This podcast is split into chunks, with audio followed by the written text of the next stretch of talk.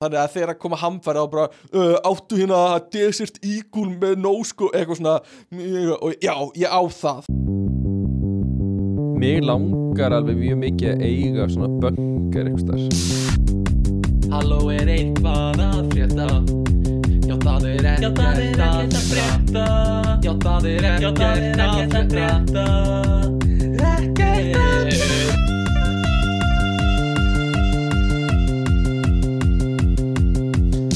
Á fyrsta degi skalfjörðin svo heilu byggingarnar jöfnuðust við jörðu. Á öðrum degi opnaðist jörðin og flætti af eldi og brennisteini yfir löndin. Á þriðja degi gekk sjórin á land og jafnaði við jörðu allt annað. Uh, á, á fjórða degi kom snjóflóð.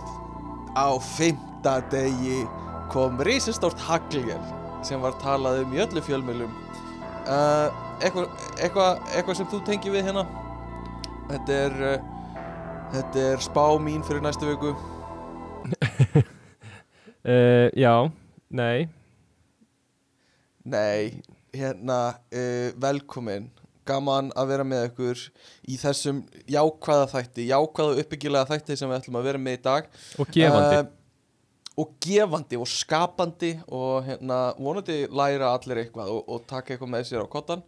Að Hérna, það sem já. að ég hef alltaf sagt er það það göfugasta sem þú gerir er að dreifa vitneski já, það er það sem ég, þú ert alltaf að segja. Þess vegna eru við komnir hérna til að útskýra Já. fyrir einhver öllum öðrum hvernig Já, allt virkar. Allt virkar. Og við erum komin hvað, 110 topic inn og eigum nokkur eftir og allir bara útskýra hvernig allt virkar. Já, og þetta er svona, já þetta er svona að leggja fólk í línunar hérna en hvað hvað er að fyrir þetta? ekkert.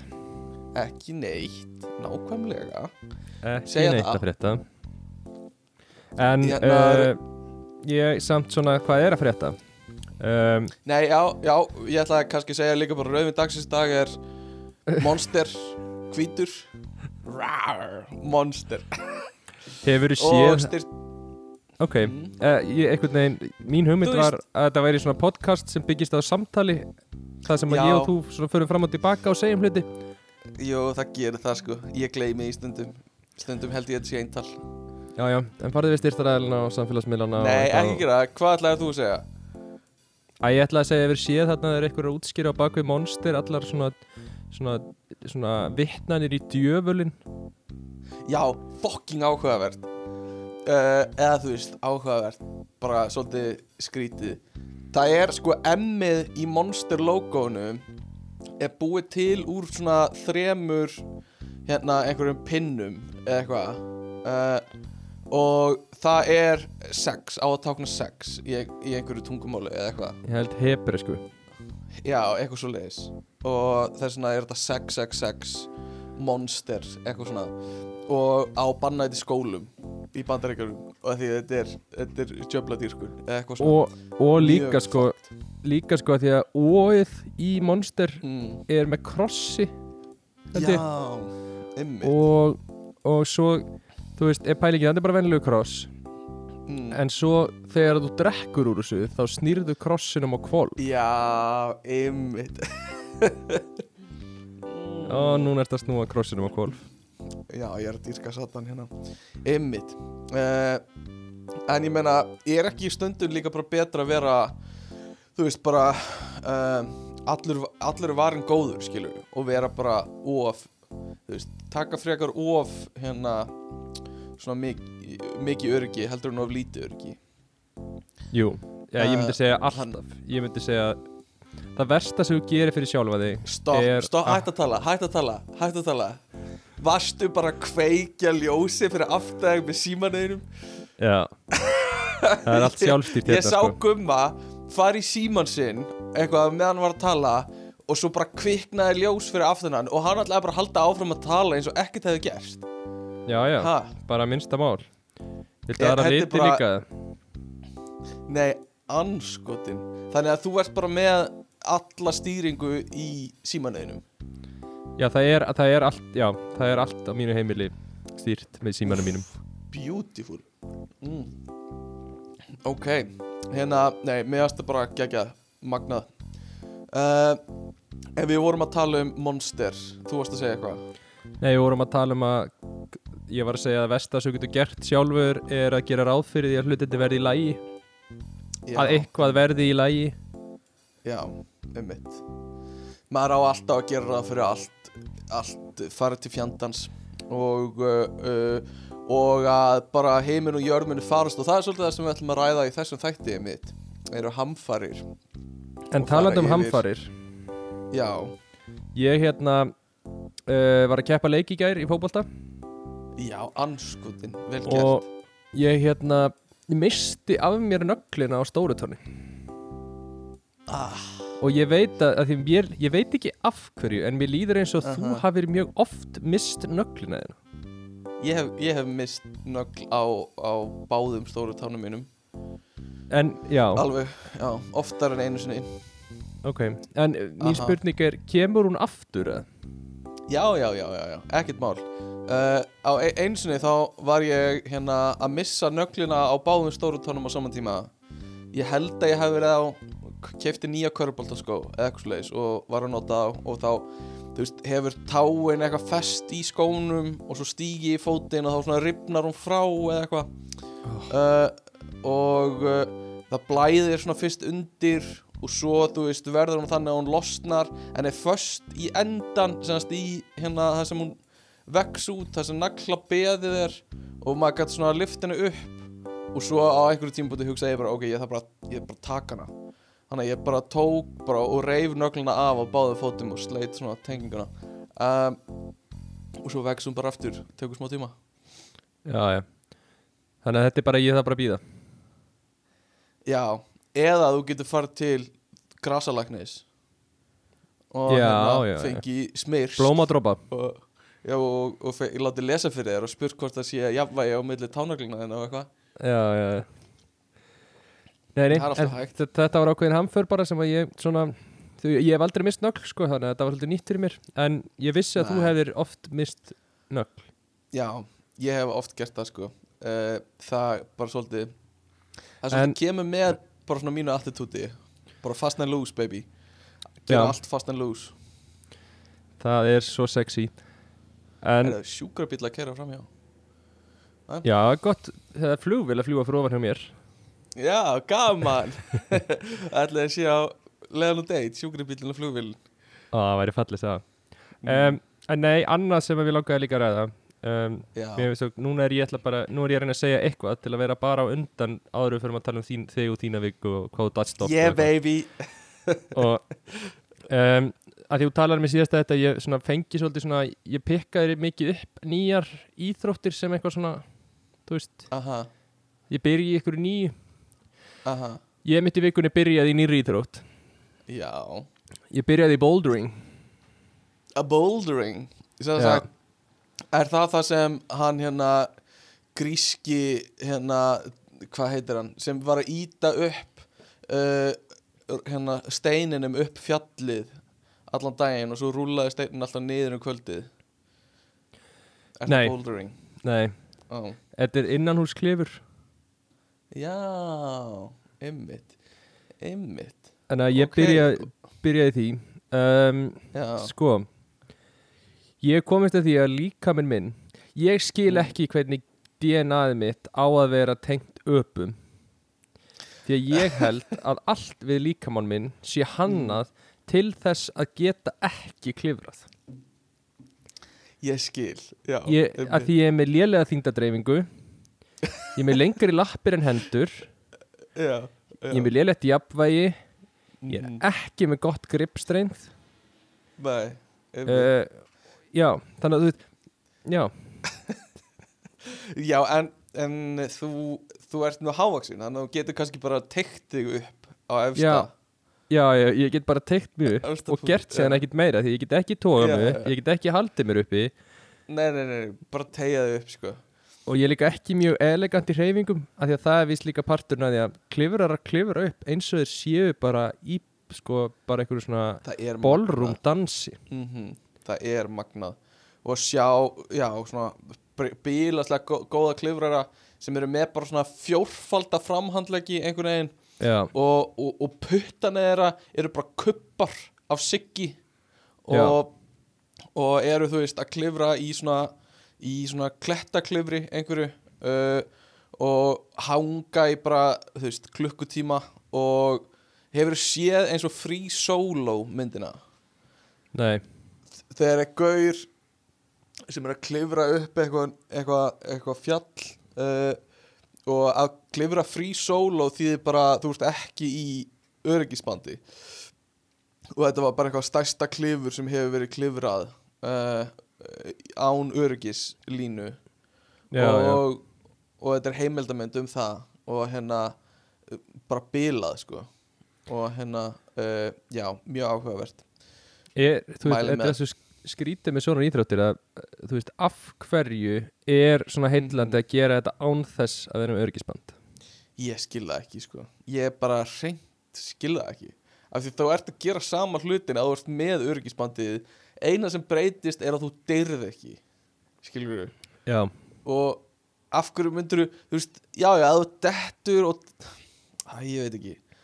Æ, ég veit ekki Ég, ég skil það ekki. Þú veist, ef þú lifir af þá getur þú sagt að þú hefðir geta dáið ef þú hefðir dottið eitthvað svona, ef þú ert ekki með öryggis eitthvað, Já, ég já. skil það ekki sko. Það er eitthvað þrill í því. Já. Um, En annars, ég horfði á Super Bowl, horfði þú á Super Bowl? Ég horfði á Super Bowl fram yfir uh, halftime, fyrsta hálfleik. Og svo Ok. halftime show. Ok, já Já, ég gerði það eiginlega líka, ég netti ekki alveg að klára leikinn sko. Nei, með hvernig varstu? Þið? uh, Ég fór með hérna Íslendingum hérna úti. Mm. uh, Það er ekki, sko hollendingar horfa ekki á Super Bowl. Nei, Það er bara, ég hef ekki fundið eina manneski bara sem að, sem að bara hefur einhvern áhuga á því eða pælt í því að horfa á Super Bowl. Nei, einmitt.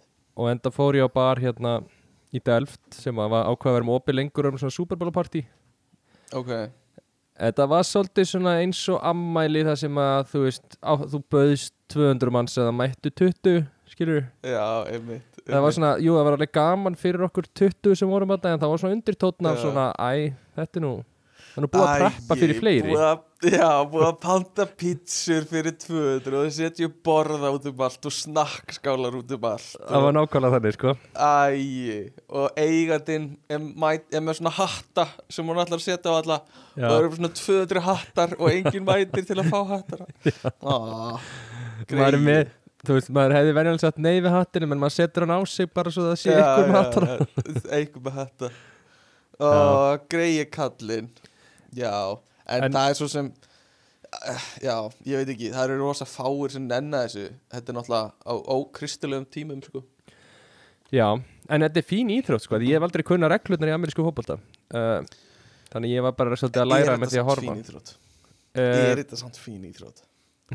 veist. Er svo mikið þú horfir í 5 sekundur og svo kemur auglýsingar. Þú veist come on. Já, Come on. Já, ég skil Þú gott við sko En mér finnst það samt Mér finnst þetta En mér finnst það bara fyndin íþrótt Hún er svo Þú veist Þetta Það er sem ég skaman við hana Er að hún er svona Þú veist Í hvað skiptum íþróttin er í gangi Sem er vissulega bara Mjög lítill tími Mhm. af lengdina á Mhm. leiknum Já. Það er alveg gaman að horfa á það Af því að það er eitthvað Það er mjög gaman, sko. Allir byrja að keira inn í 100%. alla Og svo hleypur eitthvað Já. Og svo kemst hann aðeins lengra Því finnst það ekki ekki Mhm. það er mjög gaman sko En og, og já mér samt, já, mér finnst sko Mér finnst gaurinn hann sem sparkar já, svolítið svona-. Mér finnst hann svolítið hérna Já, svona maður spyr sig Þú veist, er hann Svolítið svona eins og hefur bara einhver annar þurft að vera með Þannig að það hefur búin til regla sem var eitthvað svona já.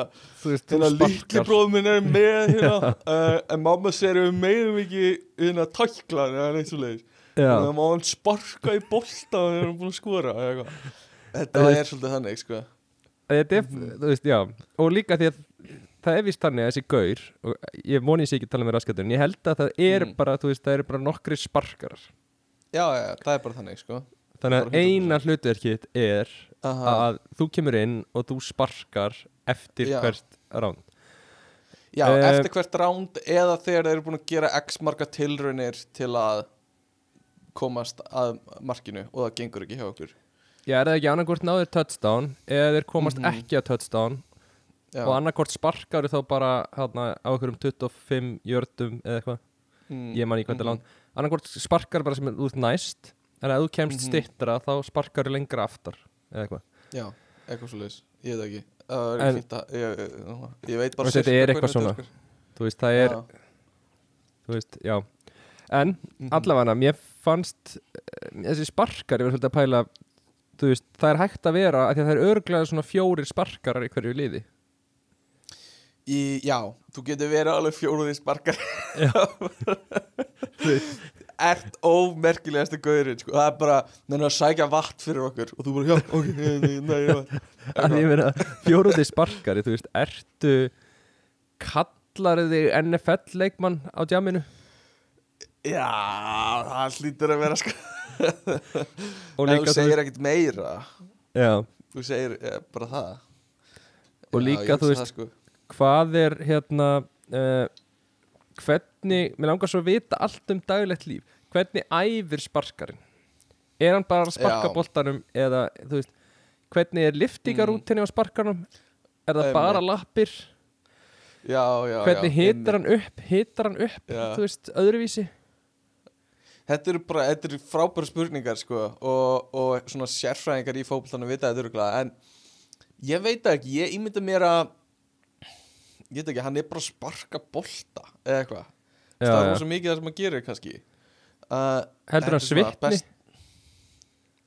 ég, Þetta er smá eins og ég hafna bolta þú veist, þá ertu með bara sér gauðra sem eru bara kastarar.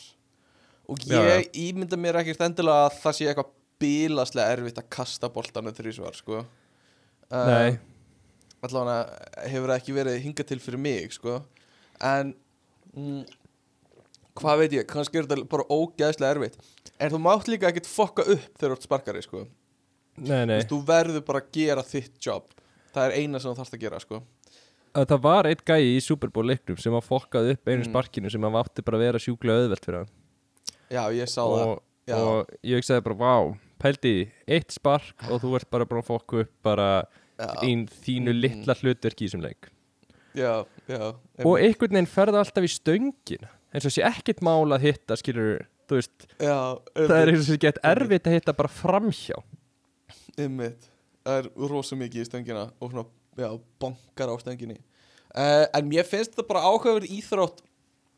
Þú veist þetta er rosa bandaríst af því það er auglýsingarlíða eftir bara 5 mínútur uh, nei, 5 sekundur þú veist, ég var orðin svolítið þreyttur í lok fyrirháleiks og var bara, ok, ég væri til í að sjá hérna, bara halftime sjóið og svo er þetta bara komið gott.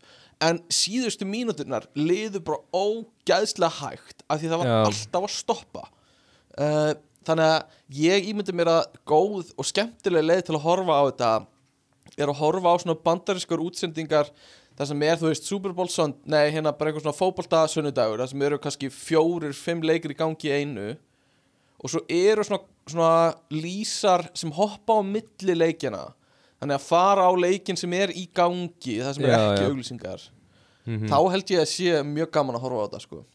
Uh, en, en hérna, já, mjög bandarist bara og, og uh, en mjög skemmtilegt að hérna fylgjast með Super Bowl og fara í partí. Var- og vangi og eitthvað. Já, var hérna uh, hvað fannst þér um halftime sjóið? uh, já. Uh, bara mjög fínt.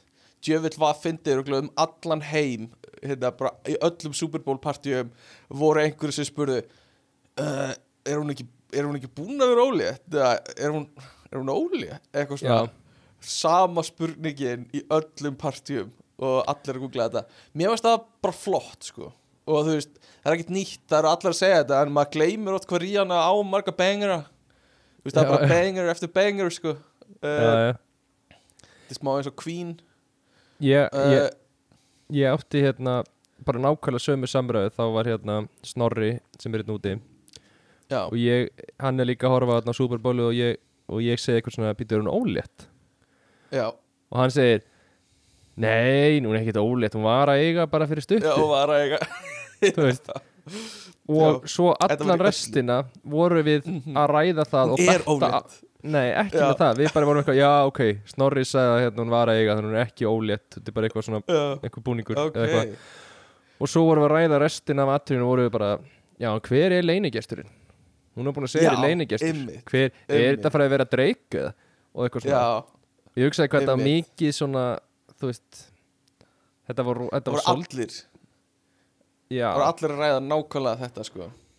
En flestir hefðu kannski pikkað upp þetta með að óléttan væri leinigesturinn er það ekki? Já. Jú, eftir á ég leimir þess var- að það væri svona þú veist, svona væri svona Já. stúpid að hafa ekki fattað já, að það hún sé ólétt það er leinigesturinn mm, Einmitt.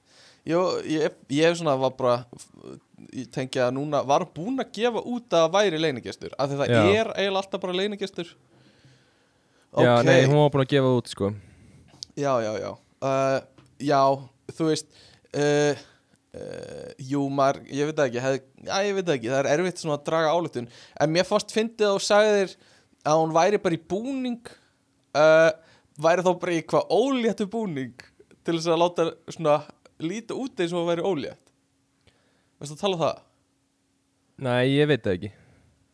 Oh, ok. Ég veit ekki, af því að þú veist, þetta var líka það sem hún var í var svona vítt á henni og svona, þú veist. Mm, mm, mm, Þú veist. Nei, hún var í nýþröngu eitthvað svona nei, hún var í svona hazmat suit Já, já, ok. En undir því var hún alveg í nýþröngu í svona bumbu já, já Nei, ég meina að það er bara það, ég held bara að væri ólétt en svo þegar einhver segir við mig að hún sé ekki ólétt þá bara, já, reyndar, er þá bara eitthvað, já, ok, þá er þetta eitthvað Algjörlega. Algjörlega. Og hérna, við heldum Við vorum sko, þegar All of the Lights fór í gang Þá vorum við bara, er Kanye Mundún setja uh, Gýðinga hataran Kanye upp á svið? Já, og já, bara ekki fucking chance. Já. uh, Þannig að hjarta sló aðeins hraðar þá bara fuck, þetta verður eitthvað en svo gerist ekkert. Nei, nei, en og- þetta var betra en Black Eyed Peas. Já, er það ekki bara það er svona botnin sko þannig að uh, allt fyrir ofa það. Mér fannst það næs sko. Mér fannst hún enda þetta á þessum, pall, á þessu sviði. Mér finnst það vel flott sko. Vel já, gert. uh, En fyrir utan það þá bara svona, já já, bara fínt sko Já uh, Já, já, þetta var fínt Ég hérna uh, Þetta er alltaf bara fínt Þú veist, þetta er alltaf bara tónleikar sem er bara svona Mér finnst gert Já. of mikið úr halftime sjónu Það er búið einhvern veginn monetæsa þetta svo mikið að þú veist, Já, þetta er Mhm. samt bara frægir listamenn koma og taka nokkur lög, þú veist, tíu sekundur hverju lagi já og þetta er alveg mikið svolítið, sjó sko. eitthvað, skilur en þetta er ekkit eitthvað það er ekkit að fara að Mhm. breyta lífinu mínu sem gerist í háluleik á Super Bowl Nei, og þetta er þetta er líka hérna auglýsingarnar eru, það er búið að gera rosalega mikið á þeim Já, já, það er, það er allir sem horfa á þetta bara fyrir auglýsingarnar eða ekki að rosa mikið af fólki ég tengdi ekkert rosa mikið við það mér varst ekkert mikið af einhverju skemmtilegum auglýsingum ég vil bara sleppa þeim sko. Nei, þess vegna er líka, Ha. það er rosalegt anti-climax þegar að þú veist uh, kannski stötu sport byrjar að sína Mm. Super Bowl mm. Nema í staðin fyrir allar bandarísku auðlýsingarnar þá er bara. Reykjavíður Sveinsson já, veist, já, svona já, það er svolítið svona slæmt move. Það er það. Og hérna SSU, hver er að horfa á Super Bowl? SSU reyndar alveg iconic. eitthvað svona íslenskt Já. Uh, Já, já, allavega Burt með það, ég var að halda áfram. Hérna uh, Sko Ég var búinn að segja þér Ég sendi þér bara þegar það gerðist. Mér langaði bara aðeins svona að ræða og dílóta Ég sem sagt uh, Þá voru svona bandariskir kúnnar Á skrifstofan okkar uh, Svona the big boss Sem borg okkur allan peningin uh, og uh, ég er þetta, já, þetta er svona, þetta er svona þeir sem vilt impressa sko. þetta er þeir sem skrifa á ávísunina. Uh, og ég er nýkomin á klósettinu og fer inn í svona eldhúsafstöðuna og er að búa mér til kaffi. Og þá kemur einn bandarækjamaðurinn upp með mér og segir eitthvað svona Hey, how is it going? I'm Ted. Eitthvað svona. Og uh, ég eitthvað, hi, uh, nice to meet you. Uh, og hann eitthvað svona, yeah, nice to meet you. Og réttur svona út hendina. Já, og ég tek í hendina á honum en ég nýkomur á klósettinu og búin að þúa mér um hendur og er rennandi blöytur á höndunum af því það var ekki tissue. Sennast, ekki þurrkunarpappír þannig að ég er bara, ég er bara legit blöytur á hendinni.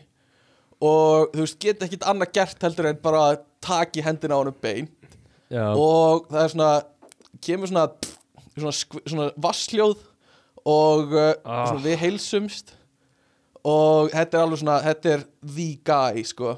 Og uh, svo svona yeah I'm just uh, you know working in the data e- eitthvað svona bla bla bla.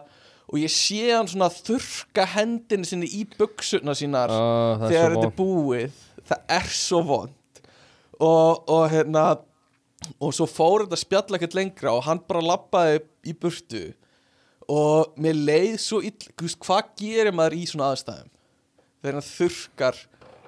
Já uh, Sko þú veist, á maður að segja I was just in the toilet. Don't worry about, about the water Nei, nefnilega, það er að versta sem þú segir. Mm, Ef þú segir, "I- it's not pee. It is Já, já, not it's pee on my hand. Yes, don't worry it's not pee. Og hérna eða á maður að segja eitthvað svona at least I don't have dry hands you know. Eitthvað svona. Ég finnst það samt sko að þetta er að því að ég hef líka lendið í að, að, að uh, og lendið í svona svipuðum daginn. Mm, þar sem ég er nýbúin út að skokka og svo er ég að rölda og svo hitti ég eitthvað sem ég var ekki búin að hitta á nýjárunu uh, já, já, já, og hann svona tekur í höndin á mér og er eitthvað hey, Ah. happy new year og eitthvað svona.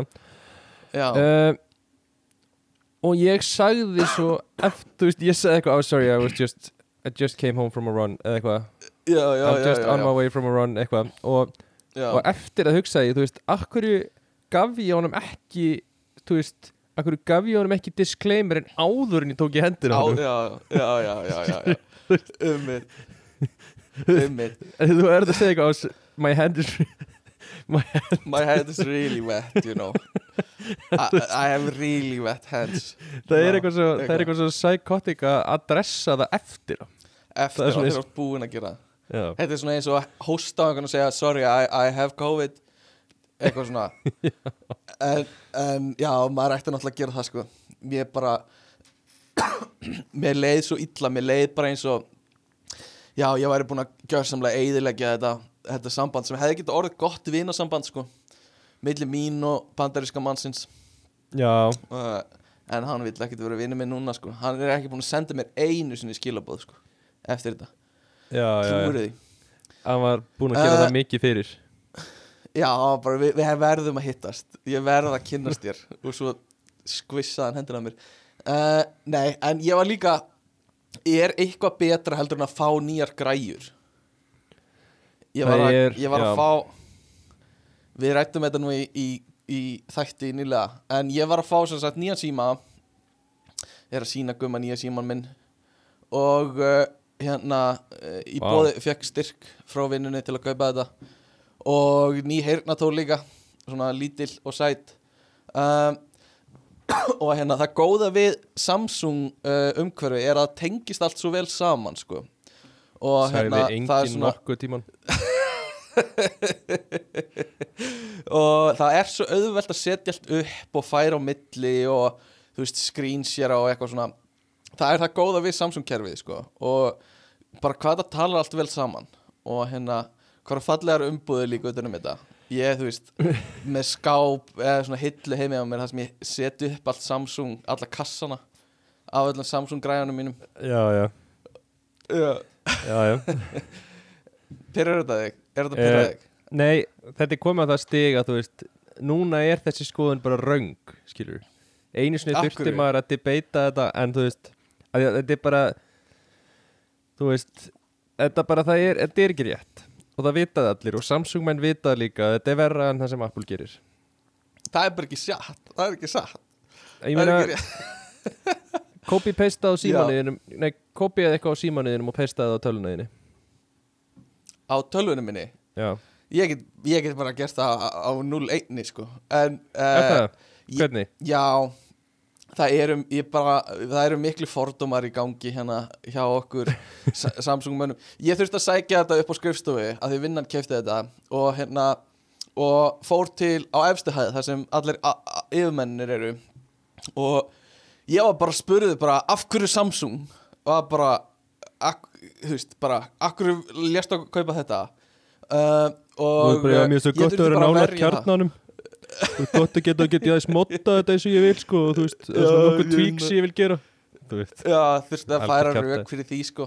Og uh, en svo nýlega þá hérna mér finnst svo fyndi þegar Apple fólk er bara eins og það var ein hérna stelpa sem við vorum í nýjás partíi með sem bara skildi ekki af hverju fólk keifti Samsung.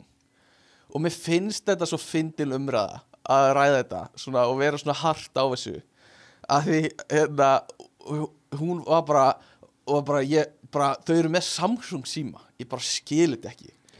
Uh, fyrir mér er þetta bara þú veist tól. Ég á Mac, Apple, nei, app, já, Apple 12 mér finnst það næs og vera með Samsung síma finnst mér líka bara næs en hún var bara Þetta, ég bara, ég bara átta ekki á þessu. Mér finnst það bara fárulegt að kaupa ekki Apple síma Eitthvað svona. Bara já, já. fatta þetta ekki Nei, ég er með Ah. sammálaðir sko, flestir eru náttúrulega bara að geta að nota hvort sem er sko, þetta er bara, Já, já.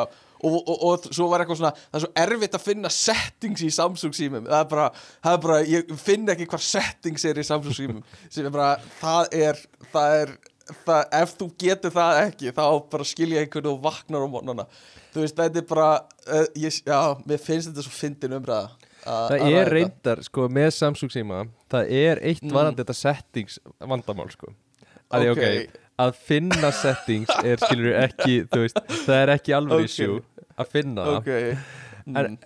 en structureið á settings í Samsung getur Mm. þetta verið svo ólógist Ok, ok En það er bara eitthvað svona, já, ég vil hérna bara slökka á notifications á Instagram Mhm. Og það er bara, já, þú ferðin í settings svo appliances and setup tools for apps og svo fyrir það undir sound and noise and haptics and under the, this, eitthvað svona Já, og þá já. usability og accessibility. Og þar undir er hak sem stendur á don't notify me for the selected apps. Já, já, já. Þetta er allt svona Mm. eitthvað falið inn í einhverjum frumskói af upplýsingum. Ok, uh, já, ég veit ekki, ég veit ekki hvort ég er bara, bara vanur, þessu- en mér finnst þetta svo lítið mál, sko, mér finnst þetta svo, en, en, já, kannski er það mismunandi bara hvernig fólk, kannski ef fólk er vant, náttúrulega bara að vant Apple þá er, þá er allt annað skrítið, en, af, en, af hverju Já. viltu Samsung síma samt?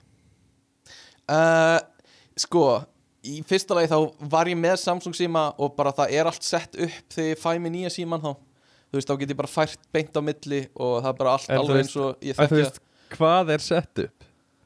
bara öll öppin uh, og hérna uh, já, öll öppin mín og allar myndir koma beint yfir og eitthvað. Uh, og uh, Svona ídratakkar og titrar hann Svona, já, já, já já, uh, já og uh, ég veit ekki, ég er bara vanur því. Mér finnst það næs. Og svo líka bara þú veist, betri myndavél og eitthvað. Þannig að bara frábæri símar. Er það, er þetta betri myndavélega? Mm, já, hún er aðeins betur en á iPhone. Þannig að, að Þú veist, er Það það, er því að það er eitthvað tölur hérna, eitthvað pixlar og eitthvað svona? Nei, það er aðalega hugbúnaðurinn held ég. Svona hvernig hann er unnin og eitthvað svona. Ég veit ekki. Þú veist ekki eins og hvað svarið er? Nei Heldur að ég myndi, að ég myndi taka tvær myndir og setja þær Heldur þú getið sagt mér hvort að tekja á Samsung og hvort að tekja á Apple. Nei, ég, ég, ég held Maður gæti ekki eins og gert það við bara svona að- Ef þú myndir senda mig mynd úr veist, besta iPhone símanum Og, og þú veist, 30 skrónar Samsung síma venjulegt fólk myndi ekki geta sagt þér hvað er hvað sko. Nei, Það er á af, þennan stað. Já, en af hverju ertu þá að kaupa síma út af því að hann er með betri myndavél að því þú getur zoomað inn á tunglið á nýja Samsung símanum. Hefur þið séð það? Ég get tekið mynd af tunglinu í allan dag. Og, og þú veist, bara getur engin stoppað mig ég veit það ekki, mér langaði bara í Samsung síma og þú veist, ég var, ég var alveg nálægt í að kaupa iPhone. Mér langaði að prófa það líka. Uh, en svo bara einhvern veginn endaði þetta þannig eitthvað, veit ekki. Já, bara vanur sko. Og ekki það, ég hef- var alveg að pæli að kaupa mér iPhone sko. Uh, en það er líka bara að ég veit ekki. Ég hef ekkert engar sterk, engin sterk rök á mótið því sko. Uh, en hérna já, gaman að fá nýja græjur og opna og taka svona rífa plastið af svona hægt og svona fletta því af. Já, og það er alltaf gaman að vera með nýja græjur. Uh, bara ekkert betra. Uh, hver er þín skoðin á huldufólki? Uh, ég mér finnst það bara svona ég, já uh, vá, þetta er svona einhvern veginn ekki spurning sem maður heyrir oft í lífinu hver er þín skoðun Nei. heldur fólki en Já, ég mitt það bara svolítið gaman veist, þetta er svolítið bara svona Já. ímyndunarafls hérna, uh, leikur einhver já, einmitt og, og búa í steinum finnst að mega sens? uh, uh, já, mér finnst alveg Já, veist, steinar já, ég meina, akkur ekki þetta búa ekki stæðar, það er steinar alveg, alveg gott sko. Já ég finnst líka svolítið gaman þegar við höfum sem samfélag einhvern veginn leitt vei, vega framkvæmdir fram hjá einhverjum steinum. Já, já, já, já, já. Mér finnst það mjög gaman. Mér finnst það eitthvað svo fyndi Já, þegar það eru það er alltaf að bíla einhver tæki í einhverju framkvæmdum og fólk er bara þetta er út af steininum hérna. Við verðum að fara fram hjá honum sko. það er bara, þetta eru álfanir það er bara svo fyndi þú veist. ég, hversu mikið lengra getur maður tekið þetta? Ef það er hægt að ljúga að ríkinu að þú meir ekki þú veist, hérna skemmi eitthvað stein skilur, mhm, mhm. Þú veist bara hvar get ég tekið þetta, þú veist? Já, já, já. Bara, ég verið bara heima og hérna, bara nei, nei, nei, nei, einmitt. alls ekki koma við bara þessa, hérna, þennan nagla þú veist, bara ekki. Já. Þetta er álfanaglinn sko. Það er bara ekki að, Ég að hamra hann og hamra eða bara, má ekki sko Ah, Já. Mér finnst það mjög skemmtilegt koncept að hérna uh, við erum með okkar sérstöku álfa sem, uh, sem búa í steinunum og koma og sækja fólk og stela fólki og eitthvað svona og uh, hérna, villir hann, þinnir hann eitthvað svona, Mm. við erum með lög sem við eigum að syngja ef það eru álfar að ráðast á okkur og eitthvað svona og svo eru þú veist það er einhver kona sem skrifaði bókum að stunda kynlíf með svona álfum huldufólki á Íslandi. Já, alveg rétt. Sem var virkilega áhugavert sko. Og hérna að, þeir, að sko sæðið þeirra er bara glimmer og eitthvað svona. Oh. uh, sem er algjör snild sko og þeir, þeir eru eitthvað svona kynlífstellingar sem engin mennskur maður getur farið í og hvað er mikil bylting og eitthvað svona En eru- sko. Eru líka kvenkins einhverju sögur af kynlífi með kvenkins álveða? kvenkinsálfum, ég þekki það ekki sko, kannski er það eitthvað sem, sem þyrfti að rannsaka sko, hvernig það myndi vera. Hvort maður liggur það bara út í æ, æ, ég veit ekki hvert við fara Jú, með förum En- alla leið Nei, þangað. ok, maður ligg uh, ég veit ekki hvað ég er að gera. Að þú veist Maður liggur út í móa. ligg- út í móa, það var rákulega sem ég ætla að segja. Og er bara að hérna, stunda kynli með einhverju, með einhverju hérna, þúfu eða eitthvað. Og, og skrifa svo bókum það. Hérna, ég veit það ekki sko. Og ég veit ekki mér langar líka að vita hvort að þessi kona uh, sé bara ljúa sem skrifaði kynlíf með álfum bókina hvort hún sé bara full on að ljúa og viti það eða hvort hún haldi í alvörun og hún hafi gert það uh, og hvernig hún upplifir það. Og því- hérna já, í raun og veru sko ef að hún hefur þessa upplifun og bara í Mm. alvörunni upplifi uh, það bara besta kynlíf lífsins bara, já. þú veist hvað, ég, ég veit ekki hva, hvernig þetta lýsir sér, hvernig þetta fór fram hjá henni en Nei, ef hún upplifir það þá er þetta í rauninni Mhm. bara, þú veist það er rauninni alveg magnað sko burt sér frá því hvort það væri einhver sannleikur á bakvið það sem gerist, já, skilur já, Einmitt. magna að geta komið í það steit andlega að Já. upplifa svona gott kynlíf bara þú með sjálfur einhver staðar í náttúrulega 100% og það er svolítið svona er þetta einhver svona meditation sem hún er komin í eða eitthvað svona bara hálf sofandi þegar hún upplifir þetta? Mjög áhugavert. Og það er það sennilega er einhver lifaðna sko já, já, gæti verið, gæti verið. Það er eitt podcast sem ég hlusta svolítið á sem heitir Confessions og er af hérna gert í Ástralíu og fjallar um þú veist, það var bara að koma svona grínistar saman og, og það eru lesnar svona Reddit confessions. Þessi fólk er bara að játa eitthvað. Og það er allavega tvísvar sem ég hef heyrt í þætti. Þar sem ég verið að tala um einhver hérna kona uh, er að stunda kynlíf með sem sagt uh, uh, draugi með draug. Og uh, þá er hún, þú veist, talar hún stundu um að fara í eitthvað svona hús þar sem bjó einhver fjölskylda og það er einhver draugur frá einhverju manni þar sem hún stundaði kynlíf með. Og hún er svona að meta hvort hún er að segja sérst, fjölskyldu mannsinn sem er ennþá lífi að hún hafi stunda kynlíf með gurnum þá er kannski konan hjá þessum draugi ennþá lífi og hún, hún er, hún, henni líður illa yfir því að segja ekki frá því sko. og þú veist myndi þú vilja vita það þú veist að, mak, að makiðin er dáin og uh, það bankar einhver, einhver hérna gaur upp á hjá þér eða eitthvað og segir bara við þig, þú veist hérna, uh, ég var í gamla húsinuðinu og hérna, ég stundaði kynlíf með hérna, látinni eiginkonuðinni hérna, sem draug eitthvað svona. Þú vilja heyra það? uh, Nei, eða þú veist Nei. Nei. Uh, Nei. uh, ég, sko, já. Myndi ég vilja heyra það? Nei Þú veist, mm, ég þarf ekki að heyra það. Ég veit ekki alveg hver samt viðbröðun eru þú Þú veist, Nei, einmitt. Þú veist. Já, að Því meina væri, ég veist, væri maður ekki bara eitthvað Já, ok. Já, bara sjáumst. Já, jú, sennilega sko. En það væri örgulega margir sem yrðu bara eitthvað Bara, bara brjálæður Já, já, bara hvernig dettur út í hug, einmitt. Já, það, ég veit ekki, mér finnst allt svona mjög áhugavert að eitthvað að koma huldufólk og framliðnir og, og fólk er að segjast hafa upplifað alls konar með því. Uh, Mér langar svo að vera partur af þessari upplifun og sjá svona hvað er í gangi uh, í, í alvörunni, sko. Uh, En, allána, eigum við að eigum við að bara byrja að ræða það sem við ætlum að ræða, eða? Já, já, ef þú vilt. Uh, ok, fyrsta endilega vilt.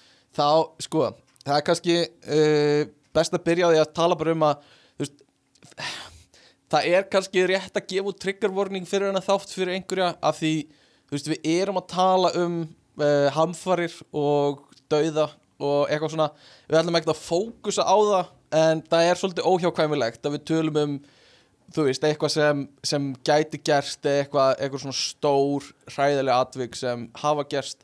Þannig að ef ég er erfitt með svoleiðis sem ég veit að einhverju eiga þá kannski, þá vitið af því að hérna við munum ræða uh, en uh, já, bara þannig að það gefið út uh, en hvað eru náttúruhamfarir, Guðmundur? Hvað eru hamfarir yfir höfuð? uh, Já, ég myndi segja hamfarir eru svona, þetta er svolítið byggt af því hvað margir uh, hversu mikið, mikil áhrif þetta hefur á fólk Samfélag þú veist, hversu margir uh, deyja eða missa heimilið eða svoleiðis mm, mm, mm. og það eru náttúrulega nýbúnar að vera hamfarir í Tyrkland og Sýrlandi það er ekki þess vegna sem við erum að taka hana þátt það er bara eiginlega ótengt sko en, en það er nýlega búið að vera stór jarðskjálti þar og bara hrikalegt uh, allt sem kom fyrir þar. Uh, en já, náttúruhamfarir eitthvað sem gerist á náttúrunar hendi sem við getum ekki stjórnað. Uh, við ætlum ekki bara að tala um það en það er náttúrulega stór partur af þessu svona náttúruhamfarir. Uh, en, en þú veist hvað þú veist, hvað höfum við upplifað sem, já, við. Þú veist, við höfum, hvað, Suðurlandsskjáltan Já, en það er nú ekki náttúru hamföri það.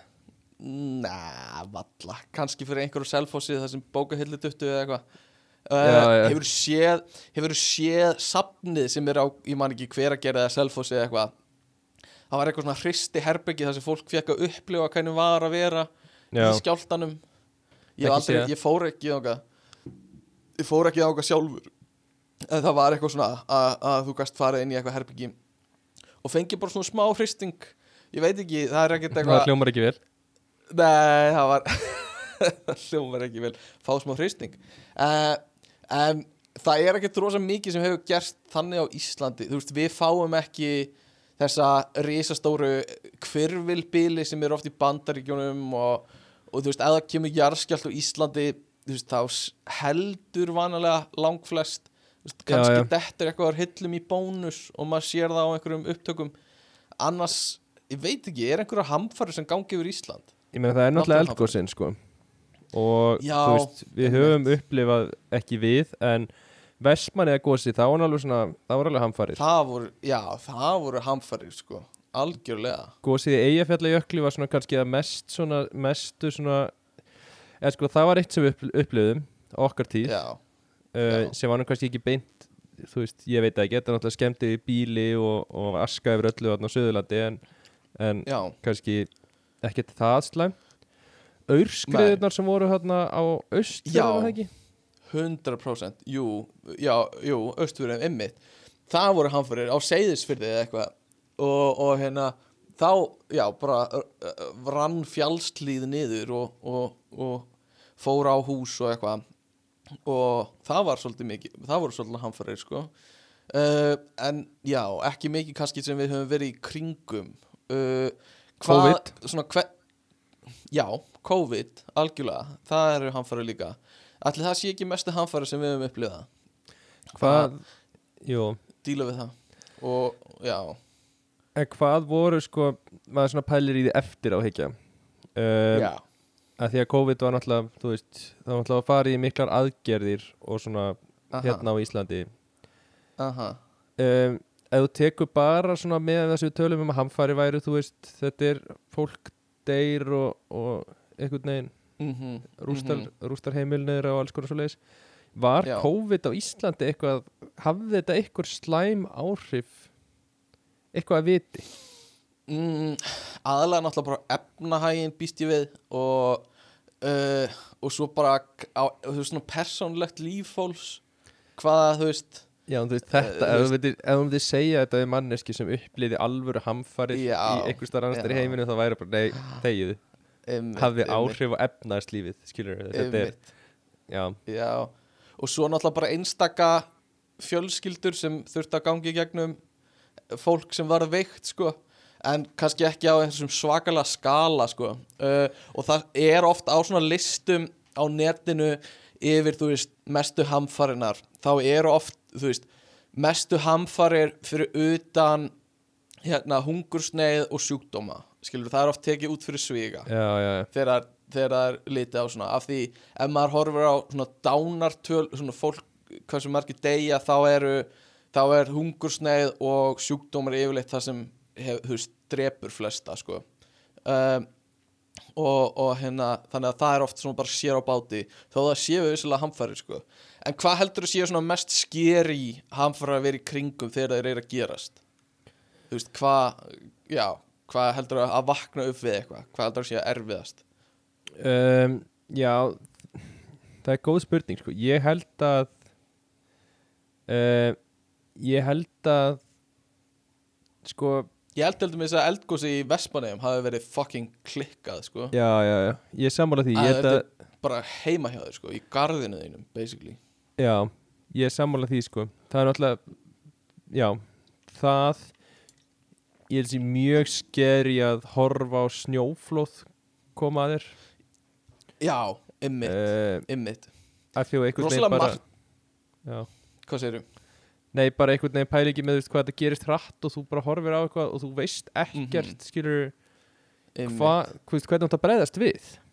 Ymmit en snjóflóð reyndar svona kannski þú veist, oftast kannski uh, þú veist þú veist ekkert endilega að fara að deyja skilur Nei, ég, ég, uh, uh, mér minnir að, hva, ég veit ekki hvort maður lærði þetta, en þú veist, þegar þú lendir í snjóflóði, áttu ekki að vera eitthvað svona, ef þú ert bara í miðju snjóflóði og ert að grafast undir, áttu ekki að reyna að vera á hreyfingu til þess að búa til space í kringu þig uh, og þú veist, svo áttu, að, svo er oft erfitt að vita hvað er upp og niður, skilur þú þegar þú ert, þegar það er Já, búið já, og já. þú ert fastur í snjó og eitthvað, þú ert að reyna að átta þig á því hvað er upp og niður og svo reyna að koma, þú veist hendinni út eða eitthvað til þess að aðri sjáu þig ég En veit ekki já, var ekki eitthvað svona að reyna að hrækja? Já, og sjá Og hvert átti að sjá- dettur. Já, Einmitt, jú. Ég veit Ég held ekki. að vera að pissa líka og kúka á þig til að sjá hvert kúkurinn lekur. Já, einmitt. Jú, jú. Það fyrir að gera Og- þetta allt og vera síðan bara svona, Já. þú veist, Ég 10 er cm frá yfirborðinu. Já, Já, líka ég er engu nær. engu nær og ég er búin að pissa og kúk og hrækja um allan. Já, jú uh, Jú, hérna Já, og ert fundin og bara hvað gerðist? Og ég bara, ég var að reyna að finna hvað er upp og niður. Uh, Jú, þannig að ég held reyndar á rosa mikið þú sérð hlutin eða, þú veist, hamfarinar koma nálagtir hægt og rólega sé mjög skeri Já, og já, það getur verið, já, eins og snjóflóð jafnvel eldgós, en líka bara svona eins og þú veist, svona uh, tsunami, hamfaraflóð einhver sem þú sérð bara eru að koma nær og nær ströndinni. Og Já, þú, veist, þú veist þú mynd sennilega ekki að flúið þetta. Ég held að það sé fucking crazy sko. Uh, ég veit ekki hvort að svona hverfilbylur sé uh, þú veist, það lúkar rosa skeri sko. Að horfa Já, já. á einhvern hverfilbyl svona, svona vindskeilu einhverja vera að koma í kring nálættir en á sama er- tíma já. eru til svona, uh, hvað er ennska orðið yfir þetta? tornado, Já, hurricane. En það eru til svona fólk sem eru svona tornado chaser eða watcher, ég veit hvað er kallað sig já, já, já. Sem eru svona að keira bara. Já, það eru bara að Mhm. elda þetta uppi og þú veist. Já, já, og ég held smá Einmitt. sko að þetta sé þú veist, út af því að það sem að hefur komið svona kyrvilbylur út í bandaríkjunum mm, er líka aðstæðan eftir að eru rosalega ekstrím. Mm uh, útlitið af öllu. Sem er alltaf líka partur af því að þar býr fólk í húsum sem eru svolítið úr pappa sko já, það er Þess, þetta eru hús sem að þú veist, þú getur svolítið bara rifið þau sundur og þú veist, kýlt í gegnum veggi og eitthvað. Já, og þannig að það er svo erfitt að skala þetta yfir á skilur, jú, sami hverjulbylur á Íslandi myndi Aha. klálega valda miklum skada en hann yrði ekki, skilur sennilega mikið af steipubyggingum á Íslandi hefðu líka bara staðið í gegnum svona hverjulbyl já ég, allan var svona það, það sem er heldur sko uh, það væri áhugavert að sjá hvað myndi gerast þegar kæmi alvöru hingað. Að ég uh, ég held að sé líka sama með jarðskjálta um, mm, að þú veist, það er alveg rosa hár standard á Íslandi með byggingar. Hvað þú einmitt, þarft að þóla og þú veist, ég veit bara eins og til dæmis í blálunum mann ég var að tala um að hérna, þú veist, að það er svona ég veit ekki hvort þú mannst eftir þú fórst í blálunum það er svona stór gler veggur á hliðinni. Já, eða já, já, já en allt húsið er byggt bara til þess að þóla bara, þú veist, jarðskjálta upp á þú veist, nýju eða eitthvað. Þú já, og það er þú veist, það er smá það sem búið að vera að tala um í Tyrklandi hvað byggingarnar voru uh, ekki up to code eða þú veist bara voru ekki alveg nógu vel gerðar og hvað yfirvöld voru ekki að standa sig að fylgjast með því sem var þú veist uh, sem, já, sem var í gangi skilur og já, hvað vantaði mikið upp á það? Þannig að það sk- Já. skiptir miklu máli sko. Uh, því að við erum að tala, ertu, veistu töluna yfir í Gríklandi, þú veist, hvað, hvað var sterkur í jarðskjálti þarna? í Tyrklandi? Já, uh, Mæ, en ætla að hafa ekki verið 7, komma eitthvað. Þannig að við getum bara að googla Earthquake in uh, Turkey. Uh, today. Já og 7,8 var þessi svona major, hérna, Já, 7,8 og svo kom annar sem var 7,5.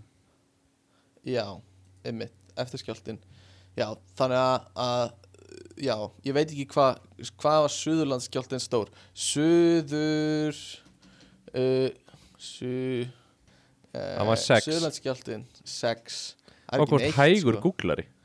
Ég veit það Fucking shit skrifar svona hægt eða?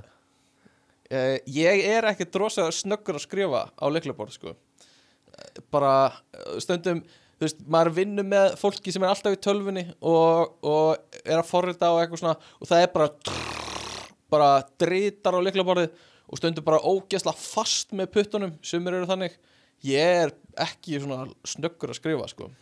Ok, það er samt sko reyndar sko 1912 þá var Suðurlandsskjálti sem var sjösti.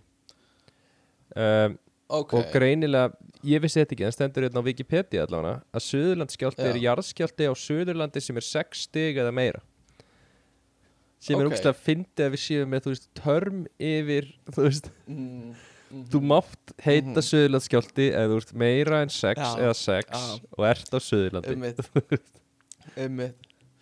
Þú mátt heita Guðmundur eða þú ert yfir 1.90 og fættist á Íslandi Já, check um, Þetta fættist ekki á Íslandi en Nei, fættist Íslandi eða Svíþjóð uh, Sko, já Hvernig, sko, hvernig myndum við díla við alls konar uh, hamfarir og ég með lista yfir nokkrar hamfarir Já, og uh, þetta er örgulega ekki tæmandi listi það kemur meira á prófunu heldur en bara þetta en uh, þú veist það eru risa jarðskjáltar til dæmis sem við vorum að ræða uh, er, er, fara undir borð og fara í svona, dyra karma já er það ekki alltaf sagt jú, en ég held líka að sé gott sko, ég myndi sennilega vilja vera með svona minni hríðskotabissu á mér mm. fyrir svona Mm. risaskjálta Já. Uh, einhverja, já, svona MK40 kannski eitthvað svoleiðis. Einmitt. Bara til að skjóta í jörðina bara Já, þú eða, þú veist, já, fucking þetta getur verið einhvern veginn já, það kemur örglega ykkur allar að þú veist, kannski að reyna að komast Lúta. undir hurðakamarinn þinn og, já, og, já, já, já, já. og þá heldur sér gott að vera með svona close range en samt svolítið rapid. Einmitt, einmitt. Pæling, ert þú með hurðað kamar ferð á sem þú kúkar og pissar þessu bara svona í hurðinni ert að kúka og pissa í kamarinn. Nei, bara löglegt pæling. Er það villist orðið nei, nei, nei, nei, nei. Uh, nei, nei, nei, nei, mér finnst bara gaman. Gaman að að- að það sést með hurðakamar Hvað Hérna- hva er, orð, hva, hva, hva er orðið? ég sagði held ég karmur. Karmur? Uh, og, og ég sagði svo er það kamar. kannski vittlust já, Mér finnst eh, karmur hljóma eins og rétt orð Já, karmar, jú, það er, við sýnist það. En kamar er skemmtilegri, sko. Og En ég hérna- náttúrulega er ekki Ég, ég er ekki, bý ekki á Íslandi þannig að ég er þú Nei, nei, nei. Ég fæ smá En það er breyk ekki á íslensku þitt. sko. Nei, Þú gerir það, sko, auðvitað. Uh, En hérna En hérna, já Að vera með byssur Það Já. er mikilvægt Í öllu þessu, ef að það koma óeirður, sko. Já, já, Og vera bara tilbúin að nota það. Ég held bara að taka safetyið af, sko. Ég held að Já, það sé já. mikilvægt algjörlega. Og, Já, og jafnvel bóg og örvar, sko Ef þú getur. Já, já, að bara þú veist, það getur líka hjálpaði bara hérna uh, þú veist, ef þú vantar eitthvað í eldur svona, getur þú skotið í ör með það, með svona bandi og tókaði til þín og eitthvað. Já, já, Þannig að- algjörlega. uh, ok, jarðskjálti eldgós uh, Já, þar, þá vildur þú vera með svona meira long range byssu held ég sko já, til þess að skjóta líka í eldgósi til Já, að stoppa já. það sko. Jafnvel, jafnvel svona basúku hérna, til þess að bara að þú mætir eld með eld sko. Þetta er bara þekkt úr já, blastæri þekkt, skeitfræðunum Já, já, já, bara hérna, uh, já, bara, já, fire with fire, 100% og þannig að hérna, uh, hamstra bensín, fínt að hafa það til þess að geta kveikt í því ymmið þegar eldgósi uh, Já, er að koma. Ég, Eh, samt, samt með eldgós af því að þú veist, þegar gerði eins og þarna uh, þegar slökkulíði mætir og spruta vatni á eldin eins og gerði þarna í Vespanum dælubátana og eitthvað svona. Ok, uh, þú veist var, var, er, er, var þetta þekkt aðferð eða var þetta svolítið bara svona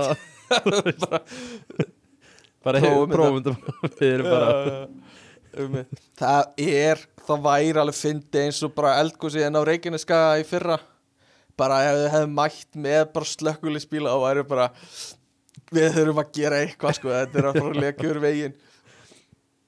Um, en ég veit ekki, eldgós þetta er skemmt, svona áhugavert að því yfirleitt drepur sko gósi sjálft ekki marga. Það eru eitur gufunar sem drepa rosa mikið uh, ef þetta er þannig típa af eldgósi og oft er hægt bara að hlaupa undan hinu ekkert alltaf en oft uh, en ég held að sé bara ég held að þetta sé svona eitt mesta svona sjónarspilið í hamförum. Bara svona magnaðasta og svona kröftuasta sjónarspilið er að sjá eitthvað eldgós að að hérna gjósa. Ég fannst, Um, þú náttúrulega reyndar hefur ekki séð það. Nei, nei, ég, veist ég sá bara myndum sko Já, og hérna bara fylgist Bíómyndir. rosa vel með Instagram story sko. Og bíómyndir, rosa mikið á bíómyndum. En ég, Uh, ég, hef- ég hef líst því svona fyrir fólki, þú veist, þegar maður er að tala um uh, að því að ég fór að sjá eldgósið Er það? og minn. Oftar en einu sinni. Oftar en einu sinni. um. Nei, en sko það er alveg sérstaklega magnað að horfa á eldgós Mm. um, af því að það, þetta er eitthvað svo veist, þetta er svona eins og hvernig, þetta er svona, þetta er svona einhver upplifin fyrir að sjá eldgós Mm. og að sjá bara eitthvað sem að getur bara, já þetta þú veist, bara þú mátt ekki koma við þetta og allt sem þú sérð bara sem lítur út eins og eitthvað svona vatn að guðsast upp þú veist, Mm. bara átt að segja hvað er heitt og liturinn á sig svona öðruvísi Já. heldur en það sem þú sérð þú veist, þetta er svona nýr Já. litur sem þú uppgötar Vá þú veist, þetta er Þið, lang, þið langaði smá að borða þetta, eða ekki? ég, mér Þú langaði veist þú mátt það ekki já, dífa veist þú tónni máttir ekki aðeins í snerta þetta það, sko. Aðeins svona smakka já. Já, Þannig að mér finnst jú, jú. eldgós alveg mjög áhugavert og bara ef, em, þú Já. veist, ef fólk fær tækifæri til að sjá eldgós í lífinu þá ætti fólk að gera það sko uh, Er þetta, en- skot, er þetta bara hart skot á mig? að Nei, þetta er það nefnilega ekki þó að mér finnist ákvörðin að hafa ekki já. bara drullaður upp þessa litlu brekku einu sinni þó það væri ekki nema, Já. þó það myndi drull, drullu leiðast þá hefur bara átt að fara Já. og tjekka á þessu Já, ég veit, sko, máli var að ég ætlaði alltaf að fara, sko Ég var bara eitthvað svona Ég hef nógan tíma, attitútið Var bara alls ráðandi, sko Já, já um, En já Þú veist, við erum að tala um, uh, eins og ég sagði frá því flög til Íslands þegar eldgósi byrjaði Já, aftur. já, já, já bara til þess að fara í einn dag og skoða það og svo flög hann tilbaka. Ég veit það. Þetta er, þetta er svona þegar þú býrð einhver staðar sem með besta safn í heim eins og lúrsafnið eða eitthvað í París og þú hefur aldrei farið á það bara því þú veist, þú býrðar skilur eða þú verður aldrei fara að Eh. skoða frelsistittuna að þú býrð í New York eða eitthvað svona. Já, þú helst einhvern veginn að eldgósi yrði eitthvað sem yrði alltaf aðna Já, svolítið. Svona ég hef aldrei farið á reðarsafnið heldur skilur en hérna af því það er bara þarna og Já, já, og já. Uh, sambarlegt en hérna, hvað gerir maður? Bara flýr. Maður flýr undir eldgósinu þú ert ekki að fara í áttina því. Ég held að það sé, það sé margir ruggli saman skilur uh, þú ert að fara í burtu en, en þú ert ekki að labba á því. Og þú ert alls ekki að smakka hraunið nei, nei, nei. Um, þetta En- er ekki framleitt frá góu skilur Já, já. Margir eru bara, ok, hérna, aðeins að góður. mönsa smá. Uh, Ég reyndar eldgós sem ég tók eftir núna á hérna þegar að gauðs á Íslandi að eldgós er sennilega svona bestu svona þetta er svona survival of the fittest svona Hunger Games uh, test. Mm, að þú myndir taka allt algjörlega og þú myndir stilla þeim upp og svo byrjar að gjósa Já. og þá myndi alveg svona bara svona mjög góð og Já. að fólki myndi hlaupa að því og byrja að taka myndir svo verður góð Já. prósent sem myndi hlaupa upp á það upp á það, já, og Já. mögulega detta onni og eitthvað já. veist, Er, er svona þetta er ó, þetta er svo hryllilegu döðadagi segjum að þú hefur hlaupið upp á hraunið og það er orðið svona storknað efst en undir er það bara ennþá bublandi. Þú veist það er þannig sem það er. Og þú veist það myndi brotna efstalagið og þú dettur onni bara poll af fljótandi hrauni skilur já, já. er verri döðdagi heldur en þú veist fæturna eini bara fucking þú veist bara bráðna undan þér og þetta er svona eins og, eins og Gollum eða Smígul í hérna eftir hversu pjessið þú ert Smígul gerði í Lord of the Rings að hérna uh, hérna svona bráðnaði bara neðan frá. Og, og þú veist svona síðasta sem sést að þér er svona hendin að halda iPhone-inum uppi til þess að halda um á lífi sem lengst. Og svo svona legur onni í hrauninu alveg það, það væri skelvilegt sko. það væri alveg geðveikur stengjarveikur fyrir, fyrir framtíðina já, að fi- að finna hérna, finna selfie hérna í miðju hrauninu þú heldur að svona Algjörlega. selfie stöng jafnvel? Og allir eru bara já bara engin veit hvað þetta var. Nei, nei, nei, nei. Þetta var einhvers konar trúar hérna, fyrirbæri sem fólk á 21. öldinni held upp á uh, stöngin, trúarstöngin sem hérna einmitt, það, var, það er svolítið þannig. Um, og ég veit ekki hérna fornlegafræðingar í framtíðinu finnur okkur fullt af bjórdósum líka undir hrauninu eða eitthvað. Uh, og eitthvað svona, eitthvað svona hérna uh, já, umbúðir utan af eitthvað svona orkustykkjum eða eitthvað. Uh, allavega. Eldgóðs magnað. Tsunami. Þetta er eitthvað sem við höfum ekki mikla reynsla af uh, held ég á Já, já. Svona rísa flóðbylgjur uh, en þær geta verið fucking crazy. Og Ég held- uh, Ég held að þarna einhverja svona mines jarðsprengjur. Þarna held ég að vera Já. stærst að eiga nóga jarðsprengjum sko. Ymmit bara planta claymores á alla ströndina. Já, þannig að þegar það kemur þá bara sprengir upp flóðbylgjuna sko. já. Ymmit En annars, sko. tsunami, þú veist, þetta, Mm. þetta, þetta væri skeri að standa fram að þetta. Það væri það sko. Og svona í, þegar ég var yngri þá hugsaði ég alltaf þú veist ég kann að synda. Ég myndi að þetta væri ekkert mál skilur þetta er bara vatn sko. Já, já, þú veist maður syndir bara í vatni eitthvað svona. En svo horfði ég á myndina hana heitir hún ekki The Impossible eða eitthvað? Uh, sem fjallar um uh, hérna flóðbylgju tsunami sem varð uh, uh, The Impossible sem varð einhver staðar í, Tælandi byggt á sönnum atbyrðum 2004 í Tælandi sýnist mér. Þar sem bara kom flóðbylgja og bara gjörsamlega eyðilæði einhvern strandbæ hana mhm. Fucking crazy sko. Tom Holland Spiderman henni. Hello, I'm Tom Holland Nice to meet you. Eitthvað svona. Uh, hann var svona í myndinni. Uh, þannig að það er crazy. Ég veit ekki hvað maður gerir í því. Bara claymores og byggja bát já, eða hlaupi burtu eða eitthvað. Já. Uh, Nei, ég veit ekkert, ég held að þetta sé alveg mjög bara, ég held að þú getur einhvern veginn ekki gert þannig sé neitt í þessu sko. Nei. Heldur að byggingarnar á Íslandi myndi höndla þetta? Eða höndla vind Þú veist, ef það kæmi bara að reysa tsunami hjá skuggakverfinu við sæbreytina Nei. Það held ég ekki. Nei, Ég held að Nei, það, ég átta mig sko Þú veist, ég, ég sé fyrir mér alveg bara ógeðslega stórt Þú veist. Ég átta mig ekki alveg á, á skalanum að hversu stórt þetta er sko. Nei, nei.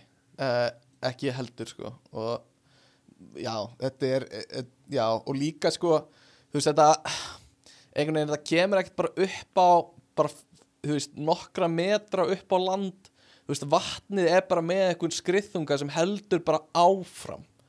Þú veist, bara vatnið er að íta á þú veist, vatnið og að halda áfram. Þú veist, þannig að þetta gengur langt, langt inn á land, sko. Já, um, og já, tsunami uh, svo erum við með að þetta eru sko lopp- við, erum- við erum að tala um þetta stærsta rekordið mm, eru 1700 feet sem eru þá 520 metrar á hæð. Já, sem er crazy, sko. Það er fucking rugla. Hallgrímskirkja er 80 metrar.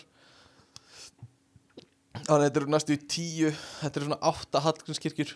Er, Getur þetta verið? eða? Ég, já, örglega stærst, stærstu Já, hérna er bara stærra en Empire State byggingin. Afsaki já, já. Það það er crazy. Ég rökk ekki vonið mig hérna. Það er já, rosalegt. Það er rosalegt sko.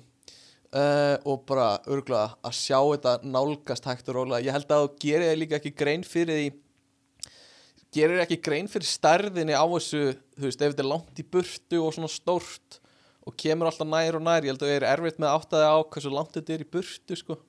Já. Um, Legst En- þú þér aldrei að því að stilla upp einhverju svona litlu legoþorpi?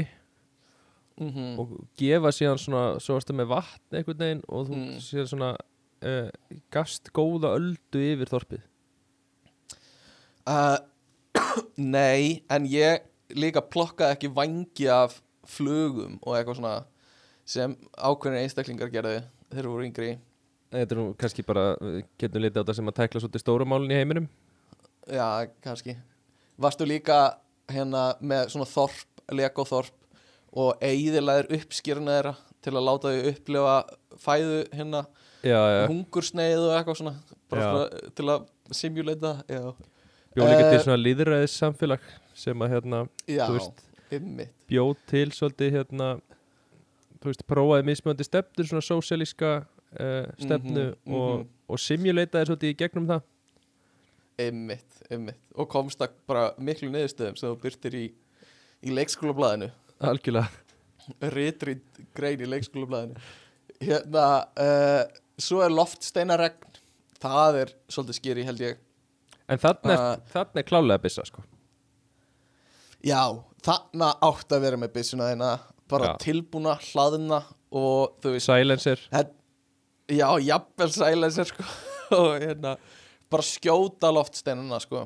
Og Já. ef þú hittir á veika bletti þetta er eitthvað sem ég get alveg sér bandaríkjumenn gera. Ef þeir eru að sjá hérna, loftsteinuna koma það er bara honey where is my fucking gun? Og, og fara bara að skjóta. Uh, og hérna uh, já uh, að sjá þetta þetta tala um að komi uh, svona 10 til 15 kilometra uh, loftstein sem sagt uh, breiður uh, þvermálið á loftsteinunum 15 til 10 til 15 kilometrar á svona miljón ára fresti já, já. og uh, e- einhver skalla á hana við lok uh, uh, risaðlu tímabilsins Já. og uh, og svona þannig og það, verð, það er mjög afgerandi þegar það gerist sko. það var lítið sem hægt er að gera í því og tunglið var líka til sennilega þegar svona tveir risastórir nettir uh, rákust saman jörðin og risastór loftstein rákust saman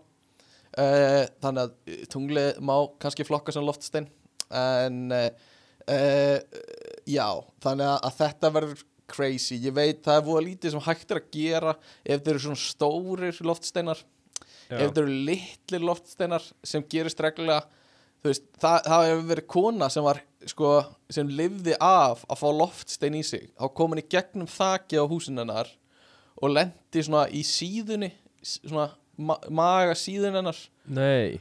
Pældi, pældi að vera bara heima hjá þér núna, bara eins og ert núna sitjandi inn í stofu eða eitthvað og svo bara BOOM bara í gegnum þakið kemur einhver stein nullungur uh, já, þannig að það er mjög áhugast en flestir loftsteinar þeir brenna bara upp í, í andrúsloftinu sko, þeir eru að koma inn já. og þá sjáum við þá sjáum við svona hérna loftsteinaregn á himnu sem er mjög Ég- flott ég hef samt svona ein pæling og þú veist, núna Mm. ætlum ég bara kannski er þetta bara heimskuli pæling ok, Eh, þannig bara ég set disclaimer það en Mm.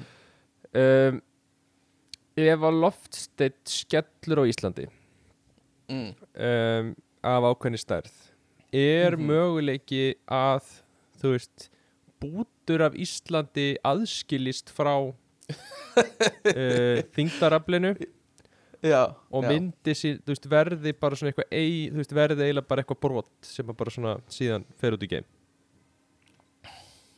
uh, sérst loftstein skellur á Íslandi partur af Íslandi eins og vestfyrðir þjóta bara út í geim er talað það? uh, Já, en þú veist, ekkit, ekkit uh, já, eða bara, ég meina, ef þú ímyndaðir þú ert með svona tvo steina sem að skella saman.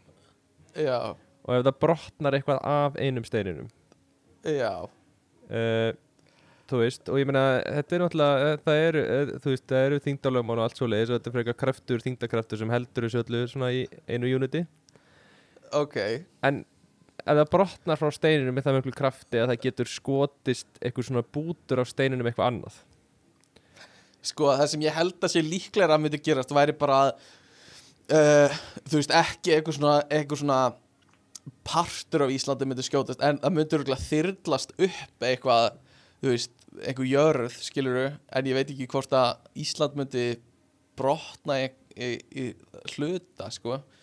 Uh, það kemur bara rosa stór gígur einhver staðar og partur af uh, jarðveginum þar myndi þú veist, skjótast upp en ef hann myndi hitta svona akkurat undir stopnin á Íslandi Já, það væri- alveg bergið um, kemur svo mikill svona kraftur af því að jörðin Mm. fer einhvern veginn í eináttina og Ísland svona poppar Íslandi. upp. Og Ísland, Ísland myndi bara Já, svo sé ég teiknumynduna þegar fólk glappar þú veist, hérna út af einhverju bjargi eða eitthvað og jörðin færist svona en Ísland stendur kjört í smástund já, og hérna og, og allir svona Íslandingar horfa svona í myndavélina og svona oh-oh og svo húm, eitthvað. Uh, sko, hérna mm, ég ætla að leifa mér að segja nei uh, við, að- við þessu en, en hvað veit ég, skilur, kannski gerist þetta uh, kannski, þú veist, brí, brýtur þetta hérna, hérna stöpulinn sem Ísland stendur á og Ísland svona flýtur niður til tenni ég meina það væri bara mjög næs. Og, og það sameinast Íslendingarnir á tenni og Íslendingarnir á Íslandi. Já, já, já, já, já Já, það væri falleg fundir Já, það væri mjög fallegt. Og hérna, kottu, ég er með akkurát Cosmopolitan fyrir þig. Og förum á ströndina. Uh, Já um, hmm, Ég veit ekki ég, Veistu Veistu, ég held frekar að þetta myndi bara Þú veist uh, Kæmi bara eldgós Og það væri bara myndir, teng, Þú veist uh, Kæmi bara alveg niður á mölli jarðar Það sem kæmi bara eldur upp og eitthvað svona. Um, ég, ég veit ekki, ég þekki það ekki Ég er ekki nú að þú veist, Nú bara er ég svolítið að hugsa um sko að því að, að því að hérna Já, þetta er áhugaðra pælingar og þetta minnir mér svolítið á að kærastan þín sendi á kærastuna mína. Aha, eitthvað svona, eitthvað, eitthvað mím eða eitthvað sem aha. stóð eitthvað svona uh, What do you call it when two guys mansplain to each other? A podcast. Og ég hugsaði að þú veist, þetta er það. Við Þetta að reyna að sko. útskýra fyrir ykkur öðrum Hvað geti gerst ef það kæmi loftstill Loft Já, þetta er svolítið þannig sko. Við veitum ekkert hvað við erum að tala um. Uh, Já, já, og bara myndi hérna Ísland uh, bara fljúði game eða loftstein En ég minn, þetta er ekki gálega spurningar En þú veist, það Nei, en þetta eru spurningar sem þarf að vera spurðar Skilur, það þarf að spurja þessar spurningar. Já, til þess að vera með gálega svör Þá þarf eiginlega alltaf Mm. að vera heimskulega spurning. Já, nákvæmlega. Uh, Þannig að, já, loftsteinarregn, snjóflóð Við erum búin að ræða. Nákvæmlega fucking fyndið. Uh, Við erum búin að ræða snjóflóð Svona snögg kólnun Eða cold wave um, Eða eitthvað svo leiðis Það er þegar uh, á svona innan við 24 tímum þá kólnar skyndilega og uh, fer niður fyrir 7 gráður mínus 7 gráður menna ég. Og hérna þú veist þetta gerist bara á Ísland á hverjum degi næstu í sko að hérna að færist yfir uh, ekkert við því að gera annað en að vera í föðurlandinu myndi ég segja. Og bara vera með byssuna inn á sér skilur já, hún getur haldið að hita ef að hérna verður mjög kalt. Uh, Risa Hagljel er eitthvað sem mér finnst mjög áhugavert.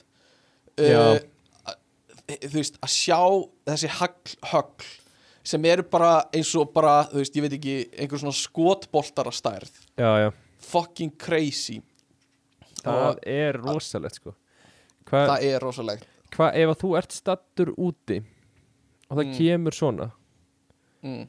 Hvað, þú veist ég fer bara- í buksnastrengi minn næ í skambisuna mína og fer að skjóta til þess að sprengja þetta já, ég, þú veist, þú getur ekkert gert held ég, bara fara í skjól og ef þú ert ekki með skjól, þá ertu bara þú veist, þú verður lurkum lamin eftir þetta sko, ef þú dyrðið ekki bara. Uh, og já, þegar þetta brýtur glugga og eitthvað svona á bílum sem maður hefur séð mér finnst þetta alveg crazy sko. Svo Já. rísa haglir Samála því. Uh, svo eru bara hitabilgjur það er svona andstæðan við, við cold wave. Uh, þi- þú kann, kynntist þessu nú aðeins í Hollandi? Já, já. Eða svona, þú veist Það er ekkert hita bylgja þegar það eru skilur, þú veist 40 kannski stig. ekki. Nei, kannski ekki. Uh, herru, ég ætla að pissa, ég kemur smá.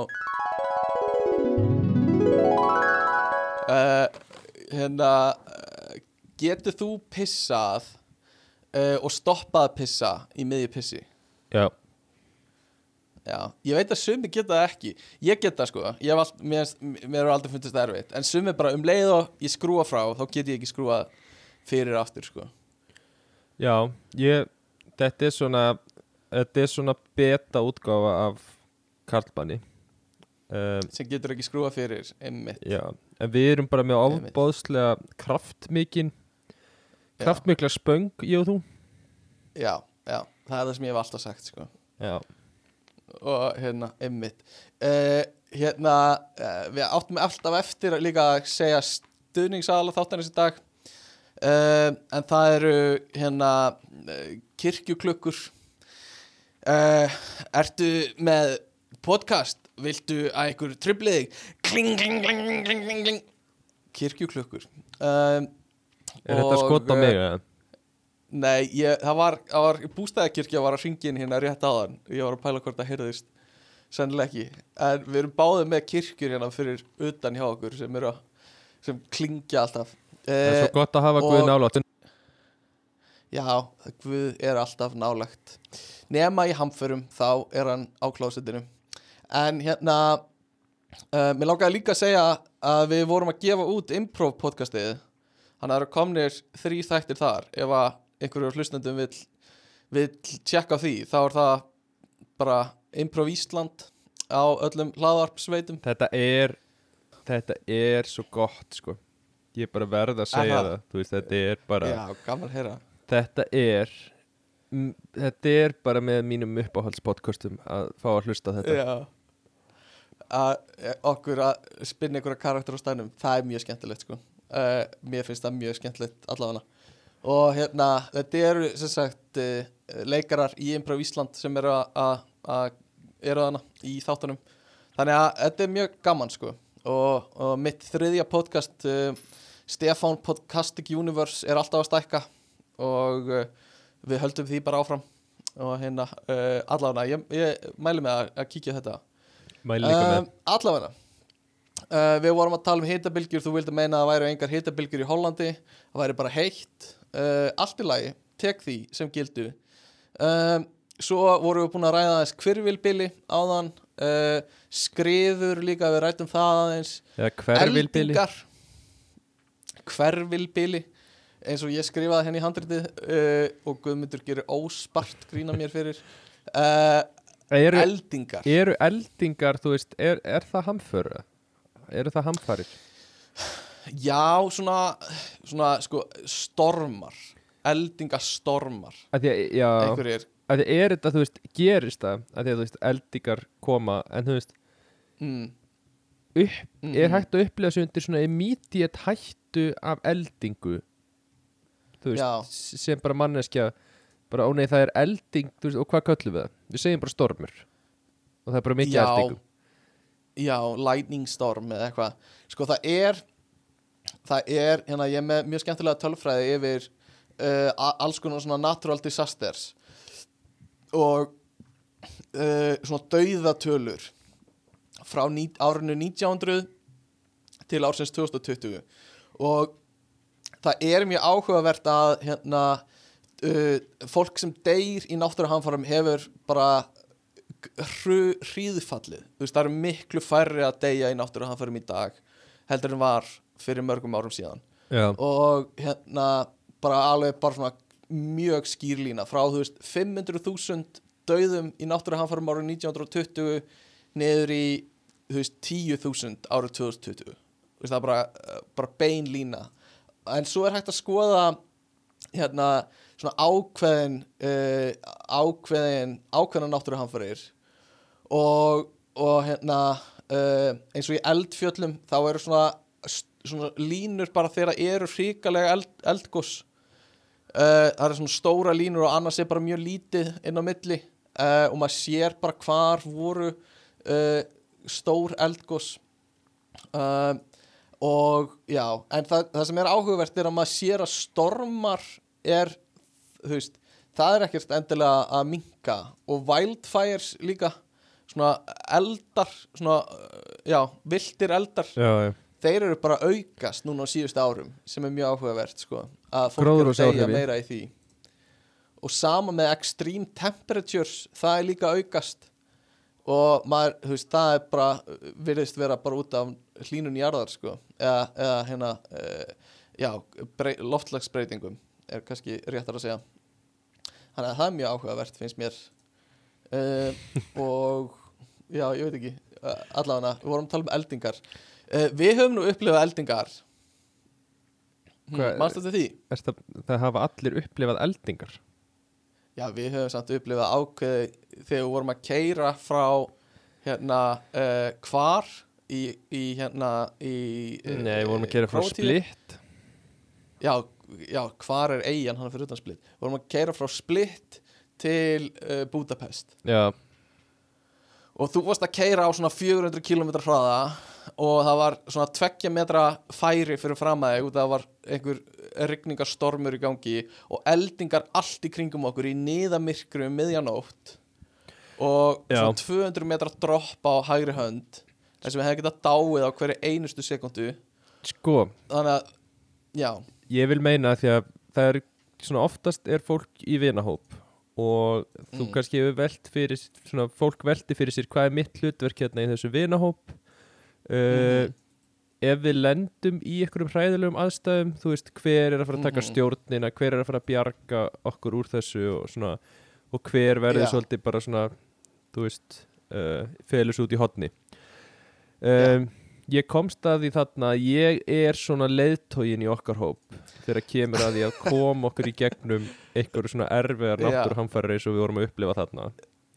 Einmitt, einmitt. Og þið voru eiginlega bara all, veist, þið voru allir aftur í bara, ó ég er svo þreyttur og ég er svo þunnur og, og þið erum alveg Já. skítrættu við veður ég næði ekki að sopna og eitthvað.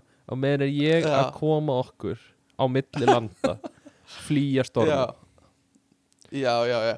Og, og ekkert að þú veist líka ekkert að taka tíma í það og, og, og keira bara hægar heldur bara að gefa í þegar er, veðri verður erfiðara sko. sko, Stefán er, Mm. ef þú ert að upplifa náttúruhamfarir mm -hmm.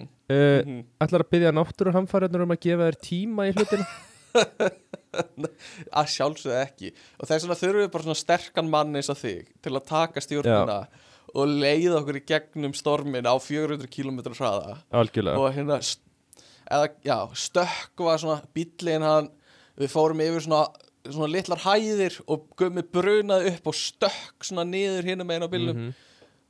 ég er líka eini að- maður sem var vopnaður fyrir ferðina. Já, nákvæmlega.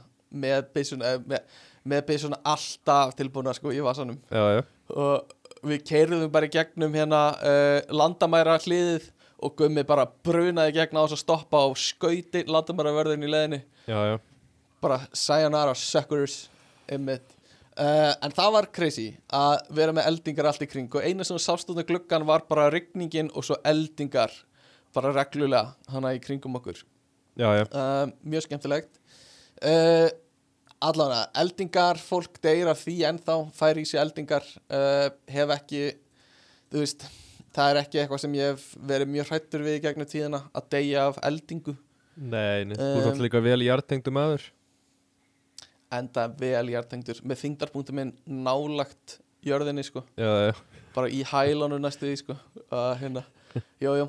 Ég er svona eins og uh, svona inflatable wacky inflatable hérna gaur sem er alltaf við hliðin á bílasölum sem er svona, vind, svona fer svona vindur í gegnum og Já. svona fer til og frá eitthvað. Allána, uh, vel hjartengdur uh, viltir skóareldar uh, eina sem við þekkjum á Ísland eru sinubrunnar ekki beint skóareldar en skóareldar eru náttúrulega mikið í, í hérna eins og Kaliforníu og Ástralíu og eitthvað hafa verið stóri skóareldar nýlega veit ekki, bara hlaupið burtu skjóta eldin með byssunniðinni ég held að það sé einu þú getur gert. Já, já. um, En það þarf að vera, Og- það þarf að vera alveg örgulega 40-50 kalibera byssa, sko. Já, 50 kalibera Desert Eagle uh, skambissa Já, já, sem bara, já, einmitt. Uh, skjóta lágt. svo eru sjúk skjóta látt til þess að einmitt, drepa eldir í fæðingu einmitt. Uh, faraldur uh, sjúkdómar ég veit ekki hvað við nennum að tala mikið um það það eru ákveðna hamfarir.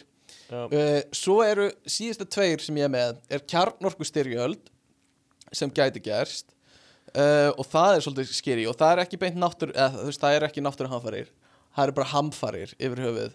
Og hérna ég veit ekki hvað maður gerir í því sko, það er voða lítið uh, grunnskólinn okkar í Garðabænu var með svona kjarnorku byrgi undir sér ég held að eh, ef að skólar voru byggðir Ha? í kaldastriðinu var eitthvað pælt í því Nei, Jó, það hérna kjallarinn í grunnskólanum okkar var uh, svona designated nuclear fallout shelter ert að meina? uh, Já, mér skilst það að garðbæðingar hafa átt að hrúa sér þangað inn sko. Ó, ég vona svo mikið að ykkur logið þessu að þér þegar þú varst yngri og þú sett núna fullorinn það væri- 27 ára að segja þetta Já, það væri alveg típist sko.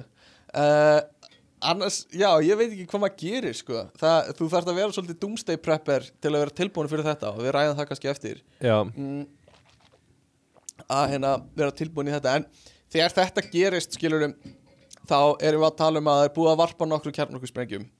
Já, já. Mér finnst ólíklegt þó að maður vitið ekki að það verði varpað á Ísland per se. Það væri rosa dýrt. Allt Já og hérna, það er sennilega varpað bara á Evrópu og svo Bandaríkin. Ég er nefnilega hrættur um En að Holland væri helviti svona takt, locationally svona tactical að, Já, og delt er akkurat á staðnum sem væri varpað sko. já En ég er endar, ég er með svo mikið af orkusteinum hérna heimi á mér, sko, að þú veist, það er einhvern veginn, það er engin geislaverkni sem myndi ná mér, sko. Nei, nei, draga allt í sig sko, algjörlega. Uh, En þú veist, þá myndi, ef þetta myndi gerast þá myndi sennilega uh, kólna svolítið hjá okkur. Uh, Þú veist, það kemur svona uh, kjarnorku vetur sem myndi endast í einhver ár uh, og þá myndi bara allt deyja rosa mikið af plöntum og lífi sko og þetta myndi bara gerast um allan heim. Þannig að þetta væri svolítið svona hrikalegt sko. Og, að maður tala ekki um sko geislavirknina sem væri í gangi. Og það er mismunandi típur af kjarnorkusprengjum. Það eru svona litlar kjarnorkusprengjur sem væri hægt að nota. Um, og uh, það er svona minni geislavirkni af þeim sem kæmi. Uh, og þetta væri svona tactical sprengjur sem er talað um að Putin myndi kannski nota í Rúslandi þú veist að, að hérna þú veist þá ertu ekki með svona full on uh, risasprengjur. En svo eru risasprengjurnar sem væri hægt að nota ef að Bandaríkin og Rúsland færi í stríð. Og þá, þá er voðin vís sko. Þá erum við ekki á góðum stað. Svo er þetta líka, heyrði ég tíðan um það, þú veist, ef að þið færi svona í alvörun í kjarnorkustyríð, þú veist, Mm. Rússland og Bandaríkin, mm, þetta væri svona nokkrar, þú veist, þetta væri bara svona örfáar sprengjur sem þyrfti Mm. til að eiginlega bara rústa lífinu fyrir, þú veist, Nei, það er víst ekki þannig sko. Ekki. Það þyrst aðeins meira. Nei, ég, ég skoði þetta um daginn og ég held ég að við tala um þetta í einhverju þætti en þú veist, það þarf aðeins meira heldur en ég held til þess að eigða öllu líf á jörðinni. Þú veist, algjörlega innan þess, þessar getu sem við höfum við getum það, skilum við höfum sprengjuna sem þurf, þurfum en það eru nær kannski hundrað einhver hundruð sem þarf að varpa til að eigða öllu líf á jörðinni sko. uh, örfáar er ekki nóg þú veist, það er að hafa gríðarlega áhrif en kannski ekki til að drepa all líf á jörðinni sko. En um, er, hérna, um, he, hefur ykkur hugmynd um það hvað þú þarft að eiga til að búa til kjarnorkusprengju? uh, Nei, þú þarft eitthvað að auðga úranjum og hérna eitthvað svoleiðis. Og svo, þú veist þarftu langdræga eldflög og eitthvað svona. En, Þannig að, hérna ég veit það ekki, I don't know man. Ok, en ég auðgaði aðeins? Uh, ég, ekki, vi- ég veit ekki hvort maður maður ferur að gláða einhvern lista ef ég googlaði þetta sko. Ég gæti googlað þetta núna. How to make a nuclear bomb. Veistu að ég er á svo Og mörgum þá- listum ef þetta er, já, þú veist. reyndar þú ert á furry watchlist til dæmis. Já, já, um daginn var ég að googla hvernig maður eyði, þú veist, akkur lík eyðist upp í síru. Já, já, já, já, já. Best way to get rid of a body. Uh, eitthvað svona. En sástu þannig að fréttina? Það var einhver maður sem drap fjölskyldunum sína eða ávist að hafa gert það í bandaríkjanum og hann vildi meina sé saklaus en svo var skoða Google search history já, og það var bara hvernig á að fela lík ég, s- hvernig á að hreinsa blóð úr þessu blóð hvernig laga maður lykt af líki sem er að rotna og já, já, já, já. Ég sá Eitthvað þetta, sko. og um, einmitt þegar ég sá þetta þá var ég eitthvað, úf historyð mitt, þú veist. Já, að ég meina, ég var að horfa á ósark um daginn og þar voru þeir alltaf að leysa upp Já. lík í síru. Þannig að þá fór ég að googla þú veist, já, ég meina, akkur gerist það? Og þú veist, í gegnum hvað fer svona síra og í gegnum hvað fer hún ekki og eitthvað, Einmitt, þannig að þú veist, ég þú veist, ef að ég væri óvart flækturinn í eitthvað morðmál, þá væri Google History Mm. ekki að fara að hjálpa mér að sanna sagleysi nei, mitt, sko. Einmitt, einmitt. Já, einmitt. Uh, Allavega, hérna sí Já, ég veit ekki hvað ég á að segja. Annað er bara, hérna ég læt laurugluna vita hvað þú ert að gera. Allavega. Uh, Allavega Síðasta sem ég langaði að ræða Hamfórunar sem ég á með Sem ég finnst eiginlega áhugaverðastar Eru sólstormar. Og uh, þetta er ekki Þetta gerist næstu ákveðnum degi. Við fáum einhvers konar svona geislun Svona sólstorma geislun frá sólinni Sem hérna Af því sólin er að bara varpa út geislun á hverjum degi. Og ég er ekki sérfræðingur í þessu En hérna Alltaf bara samt að tala. En það gerist reglulega uh, Og þetta er það sem er til dæmis norðurljósin. Það er þegar þessar eindi frá sólin er að koma og skella á, á hjúpi jarðar uh, Segulsviði jarðar eða eitthvað bla bla bla, veit ekki bla eitthvað. En það sem gerist reglulega og á svona rúmlega 100 ára fresti eru hérna, eru það kemur svona stærri hérna, uh, stærri uh, stormur frá sólinni. Og það kom einu sinni eh, árið 1859 var það síðast sem lent á jörðinni og heitir Carrington Event. Og býðaði, þetta er mjög áhugavert vegna þess að þetta er hérna, þetta er að gerast 1859 þegar við erum ekki með rosa mikið af ráftækjum og rafmagnu og eitthvað svona. Uh, og þá þú veist þegar þetta gerðist þá urðu bara norðurljós basically um allan heim. Eða fólk var að sjá norðurljós bara langt suður á bógin og jafnvel bara næstu því að miðbögi af því það var svo sterk, sterkar geislanir frá sólinni. Og hérna uh, það talaði um að þetta geti gerst já, reglulega á 100, 100 rúmlega ára fresti. Við rétt mistum af einum svona stormi árið 2012 sem fór fram hjá jörðinni en bara mjög tæplega fram hjá henni. Uh, en þetta hefur áhrif á rafmagn og ráftæki og það var talað um að á þessum tíma þá hérna uh, tók fólk eftir þessu út um allan heim og þetta hafði áhrif á hérna svona ritsíma, telegram uh, út um allan heim og sumar telegram stöðvar bara kviknaði í þeim út af þessu. Og hérna fólk er með lýsingar á því sem gerðist eh, þegar það sá þetta. Og þetta er bara hérna uh, uh, bara einhverjar svakalega lýsingar á norðurljósum á stöðum sem uh, hafði aldrei upplifað norðurljós áður og, og hérna bara í Kaliforníu hjá fólki sem var að hérna svona gullnámum fólki hérna uh, gullgröfurum í Kaliforníu í Gold Rush. Og sumir gullgrafarar þeir vöknuðu og fóru að elda sér morgumatum miðja nótt af því að held að veri komið dagur út af að voru svo mikil norðurljós. Og eitthvað svona svakalega dæmi um þetta. En þegar og ef þetta gerist í dag af því allt, allir innviðir eru byggðir á einhver svona rafmagni og, og ráftækjum þá bara hérna uh, þá bara mun rosa mikið af innviðunum okkar hrinja sennilega. Já, og þetta hefur gríðarlega áhrif í dag. Og þetta gerist reglulega og þú veist það eru líkur á að þetta munin gerast einhvern tímann á næstunni. Þú veist það eru 150 ár síðan þetta gerist síðast. Og hérna uh, þú veist uh, myndi þá bara öll tækin okkar svolítið bara stikna og, og bara eigðileggjast uh, og þú veist þú getur ekki sótt um rafrænt aukuskýrtinni sko þegar, þegar allir server eru ónýtir sko. Sem væri stóra málið.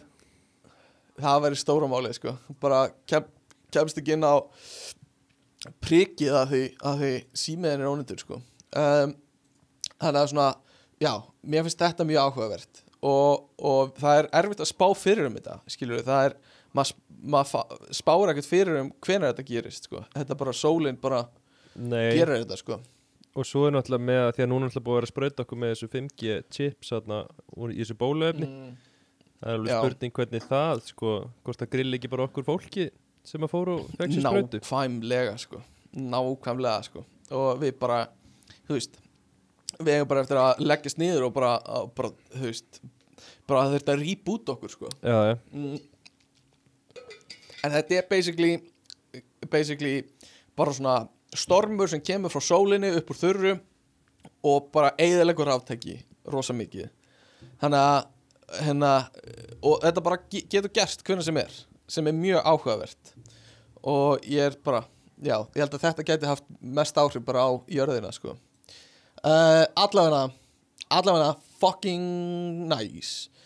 Hvernig er best að undirbúa sig undir þetta, Guðmundur? Sko, að vera sko preemptive að vera búin að búa sig undir þetta. um, já. Mig langar alveg mjög mikið að eiga svona bunker eitthvað já, já, mér líka. Mér finnst pælingin um að eiga eitthvað bunker sem er bara með öllu sem ég þarf og alveg svona bara eitthvað svona já, self-sustainable uh, eining. Finnst mér bara svolítið töff. Maður Þetta myndi töff. nota hann bara þú veist, maður myndi nota hann miklu oftar heldur þú veist, ef maður sennilega þarf ekkert að nota hann. Uh, mm, en maður myndi, þú veist að ég er að COVID skalla þá hefði ég bara viljað Mhm. fara í minn og bara, þú veist. Já, já, já. Með góða sirpu já, og lesa um ævintýri Andresar í Andabæ. Eitthvað, já, einmitt. Mér langar líka í svona sko mér, ég væri alveg til í eiga og það þyrst að vera sko undir uh, uh, jörðinni eða þú veist, undir mætti ekki vera bara eitthvað herbyggi í húsinu mínu sko. Nei, Ég vildi að það þyrst að vera grafið niður í jörð sko. Já, og þú þyrst að fara niður.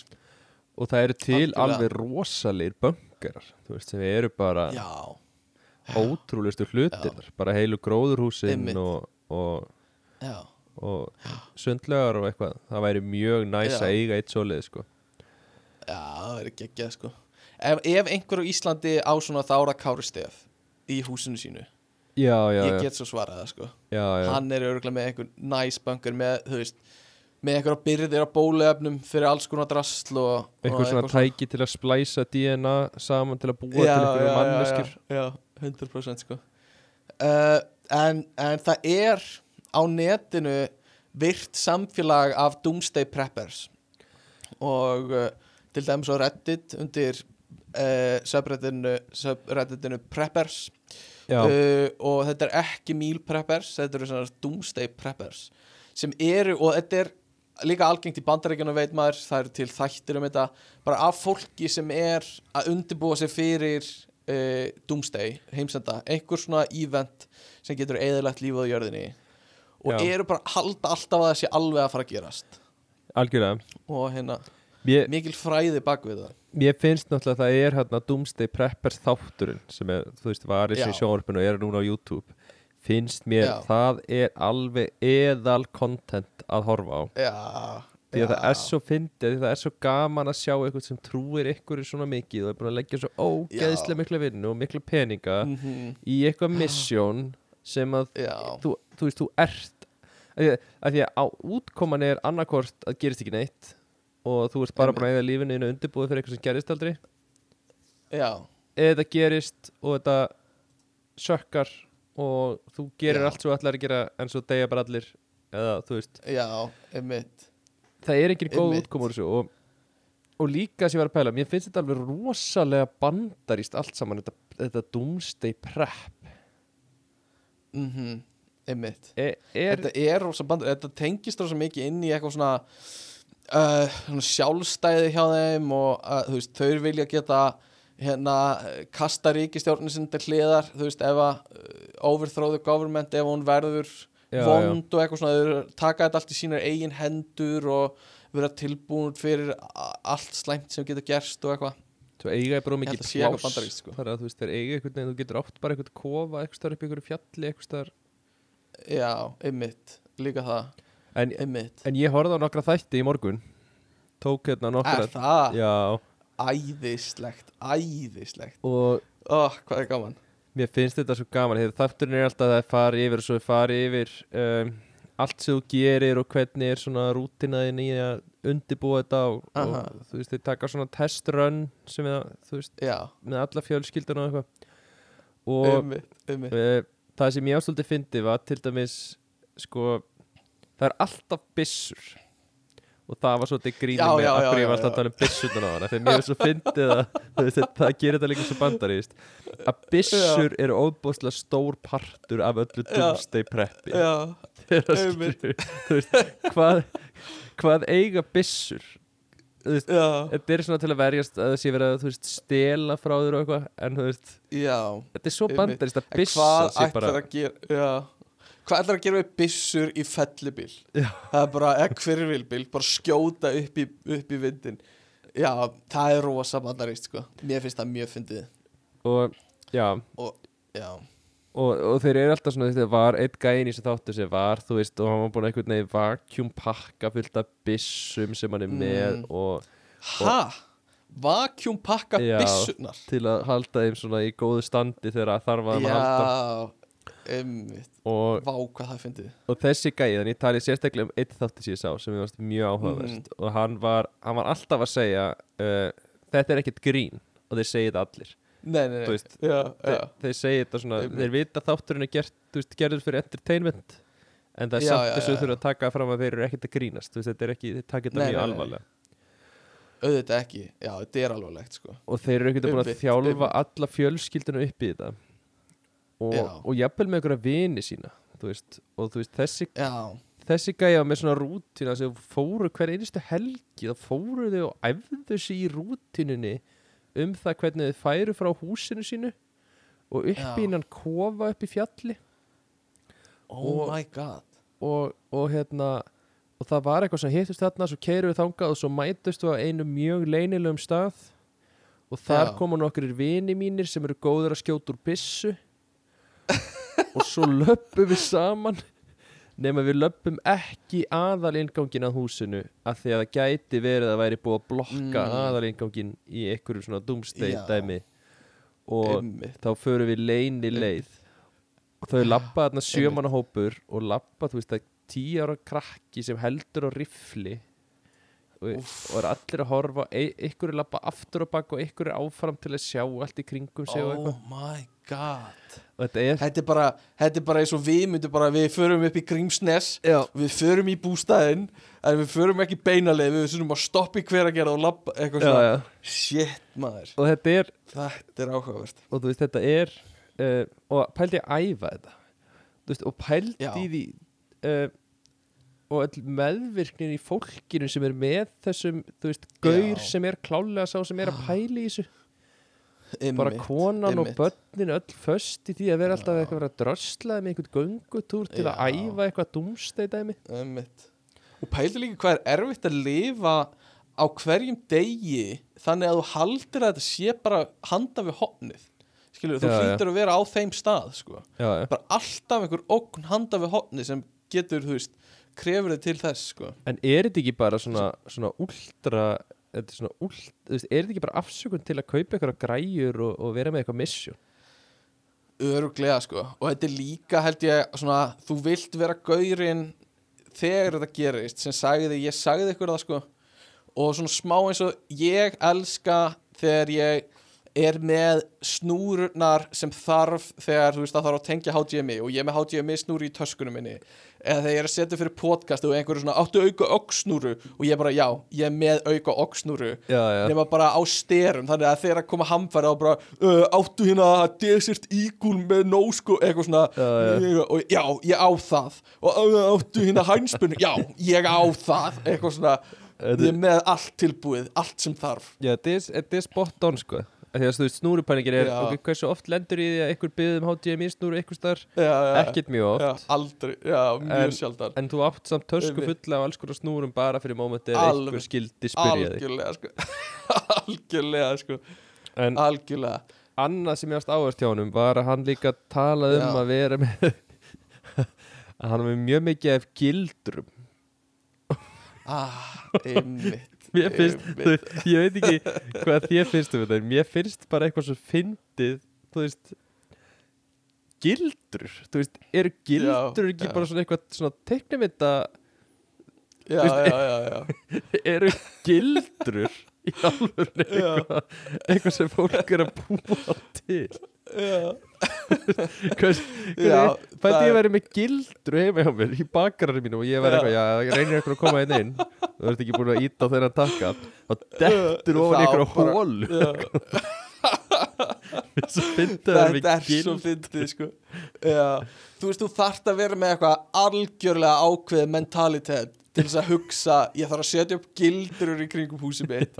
Ég þarf að hafa þetta örugt. Þetta er samt, þetta er svo mikið bara eitthvað svona sem ég myndi allavega að sjá í bíómyndum. Eh, mér finnst eins og sé að svona fólk sé rosa influensað af einhverju svona í bíómyndum. Já, bara eitthvað svona næstu home alone dæmi. Bara þú veist að setja upp eitthvað til að verja húsið sitt og einhverju naglar og eitthvað svona hitablásar á hurðar hún á eitthvað svona.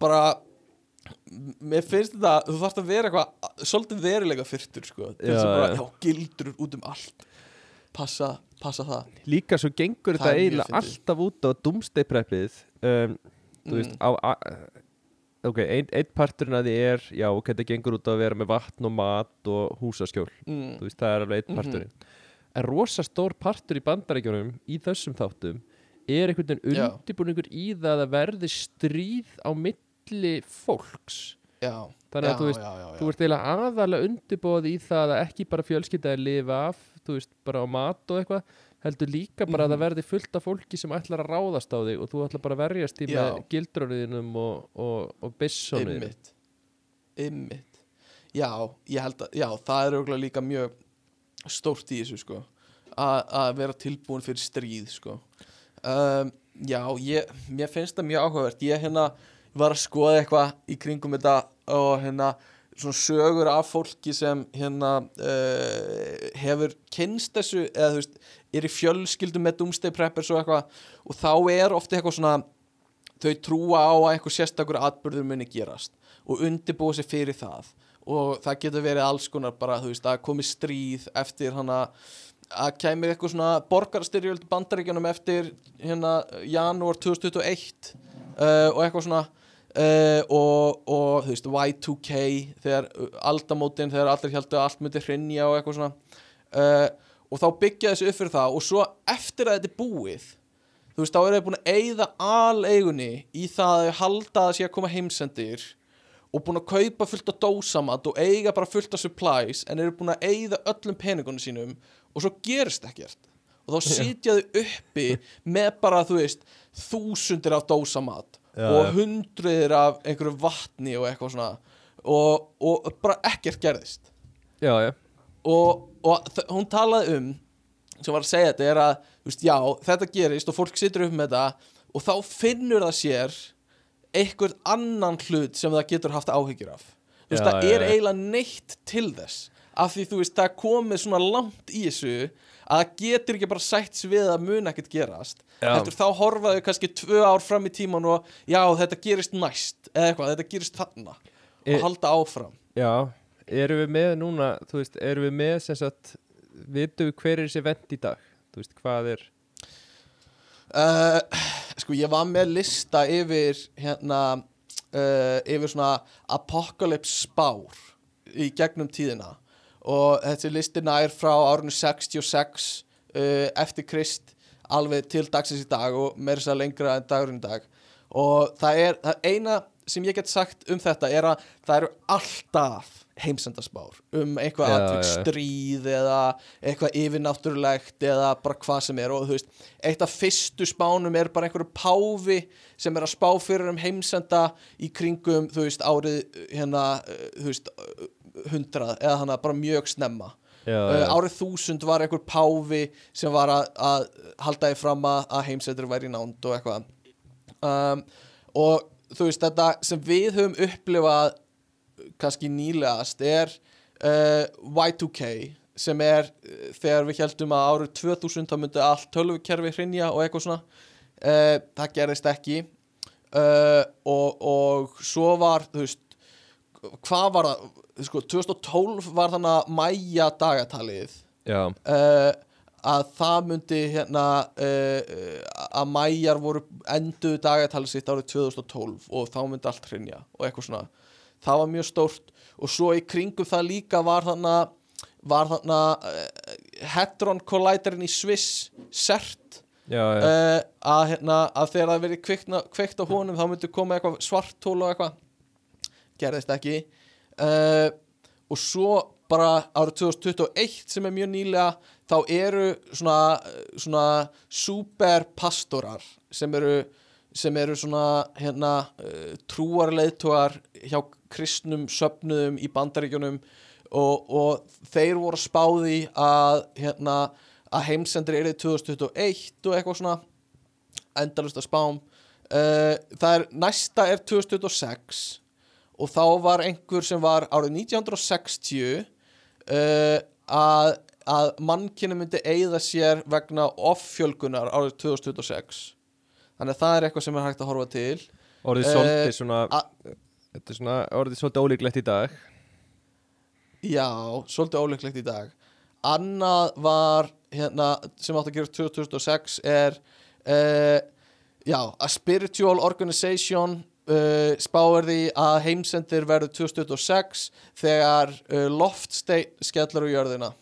Og þetta er samkvæmt einhverju, einhverju trúarbók, Religion of God. Ég, ég þekki ekki hvort þetta er eitthvað kristið eða ekki uh, en, eða bara eitthvað svona sértrúsöfnur og svo er 2008 uh, uh, já og þá er einhver Christian fundamental fundamentalist, einhver svona kristin trú að, að hérna, heimsendir samkvæmt biblíunni verður líklega 2028 já, og uh, þannig að við getum hortið þess. Og svo er uh, 2129 er einhver spá og bara á næstu 100 árum.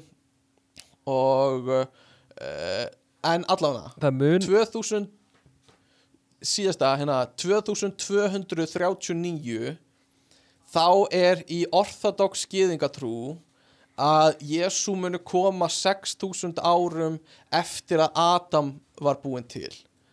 Og uh, já og jörðin verði 1000 árum seinna. Uh, þannig að þetta mun, mun gera, þannig að það þýðir að byrjun heimsenda mun gerast 2239 og enda 3239 samkvæmt einhverjum orthodox skýðingum já, ég hérna, já það er áhugavert, ég get alveg séð það gerast. Já, uh, já, ég reyndar talandi um orthodox skeiðinga uh, já, ég fótt til Antwerpen núna síðustu helgi. Já, uh, og þar býr sem sagt held ég stærsti hópur orthodox skeiðinga fyrir utan bandaríkin. Já, utan Ísrael og Bandaríkin. Já, utan. Ísrael og bandaríkin. Um, já, mjög áhugavert bara. Mjög áhugavert. Ég hef kynnt mér þetta alveg lómst mikið sko. Mjög áhugavert sko. Þetta er svo áhugavert að, fylgjast með þessu og sjá bara einhvern veginn að þetta sé til í Mhm. nútíma samfélagi og til bara einhvers staðar í bara Belgi bara Já. venjulegu landi í Evrópu. Já, þetta er það. Og þetta er uh, þú veist, þetta er bara já, gyðing, gyðingdómur bara harðtrúa gyðing, gyðingdómur sem er orthodox og hérna stórt í, í bandaríkjunum í New York, þá er bara svona gyðingakverfi sem er bara hérna uh, sem er bara rosalega uh, svona stingur svolítið augun skilt mér að þú veist, þú getur verið að labba eina götu og svo kemur í næstu og þá ertu bara komin inn í gyðingakverfið í Brooklyn eða hvað sem það var. Og hérna og þá er bara, þú veist, þá er bara uh, allir eru basically svona orthodox og þú veist, það er smá svona þú veist, smá litin svona skrýtnu auga ef þú ert ekki partur af samfélaginu og þú veist, mér skilst að stór hluti að því sem þau trúa er líka, þú veist, það voru 6 miljón gyðingar drefnir í fyrir heimstyr, nei, seinni heimstyrjöldinni og þau þurfa að eiga fullt af bönnum til þess að vinna upp þessa tölu skilur og Mm. fjölga sér til þess að, til þess að þú veist, vinna upp það sem var tapað af gyðingum og eitthvað svona já, já, og þetta er náttúrulega hinn guðs útvalda þjóð skilur Já. og hérna gyðingar það er áhugavert við þá er að e, er, í fyrsta lagi þetta er bæði trúabrögð og þjóðflokkur uh, gyðingar uh, og hérna hafa gengið í gegnum rosalega margt og erfiða tíma í gegnum tíðina og hérna uh,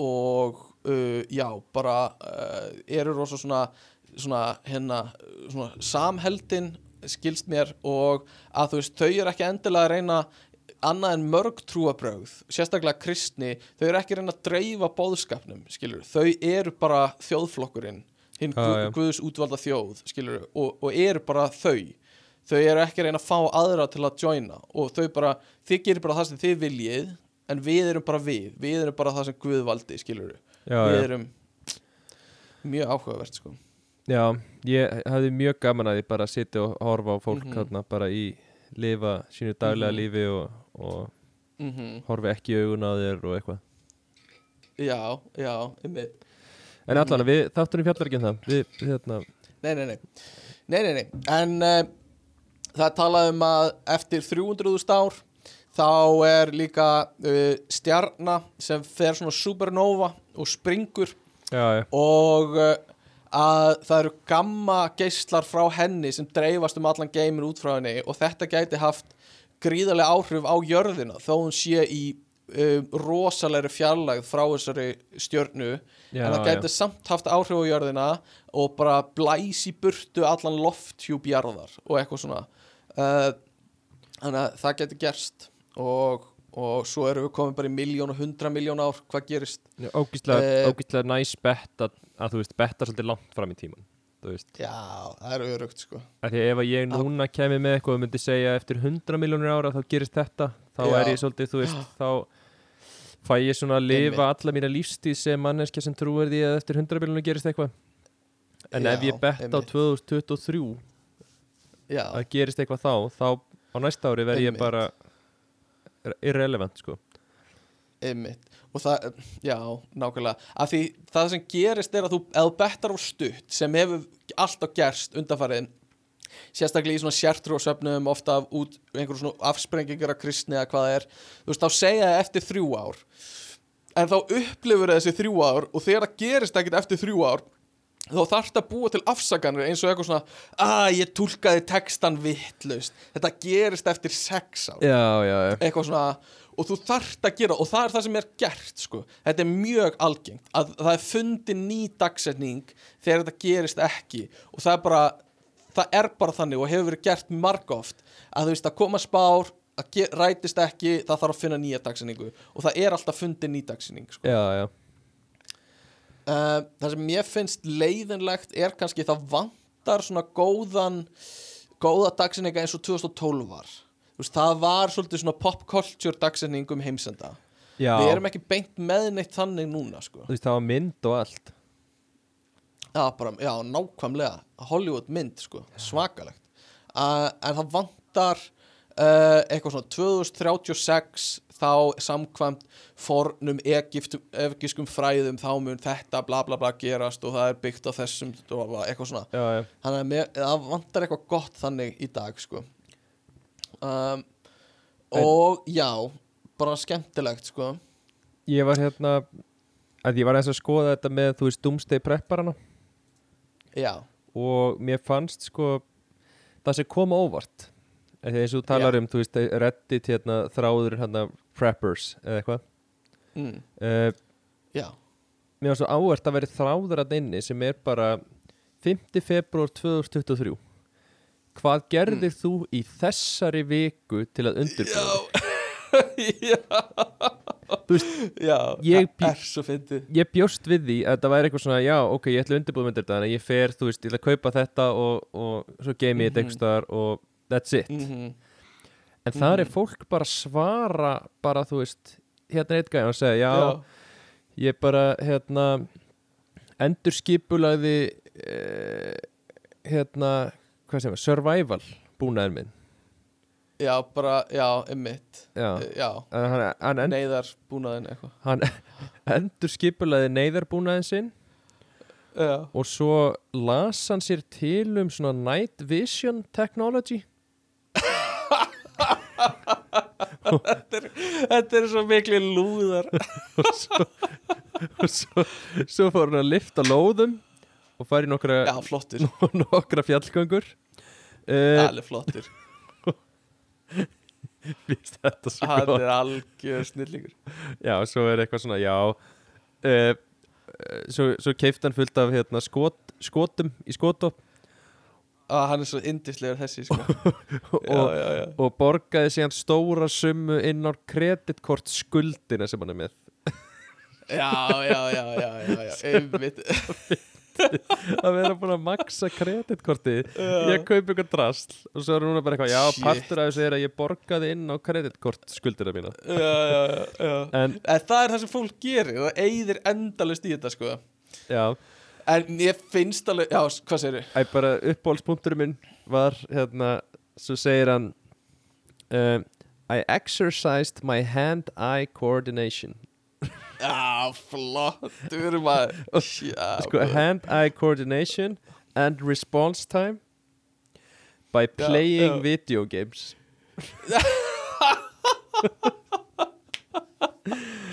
Ástu mín, vilt þú ekki skipta á barninu núna? Ég er svo ógeðslega þreytt.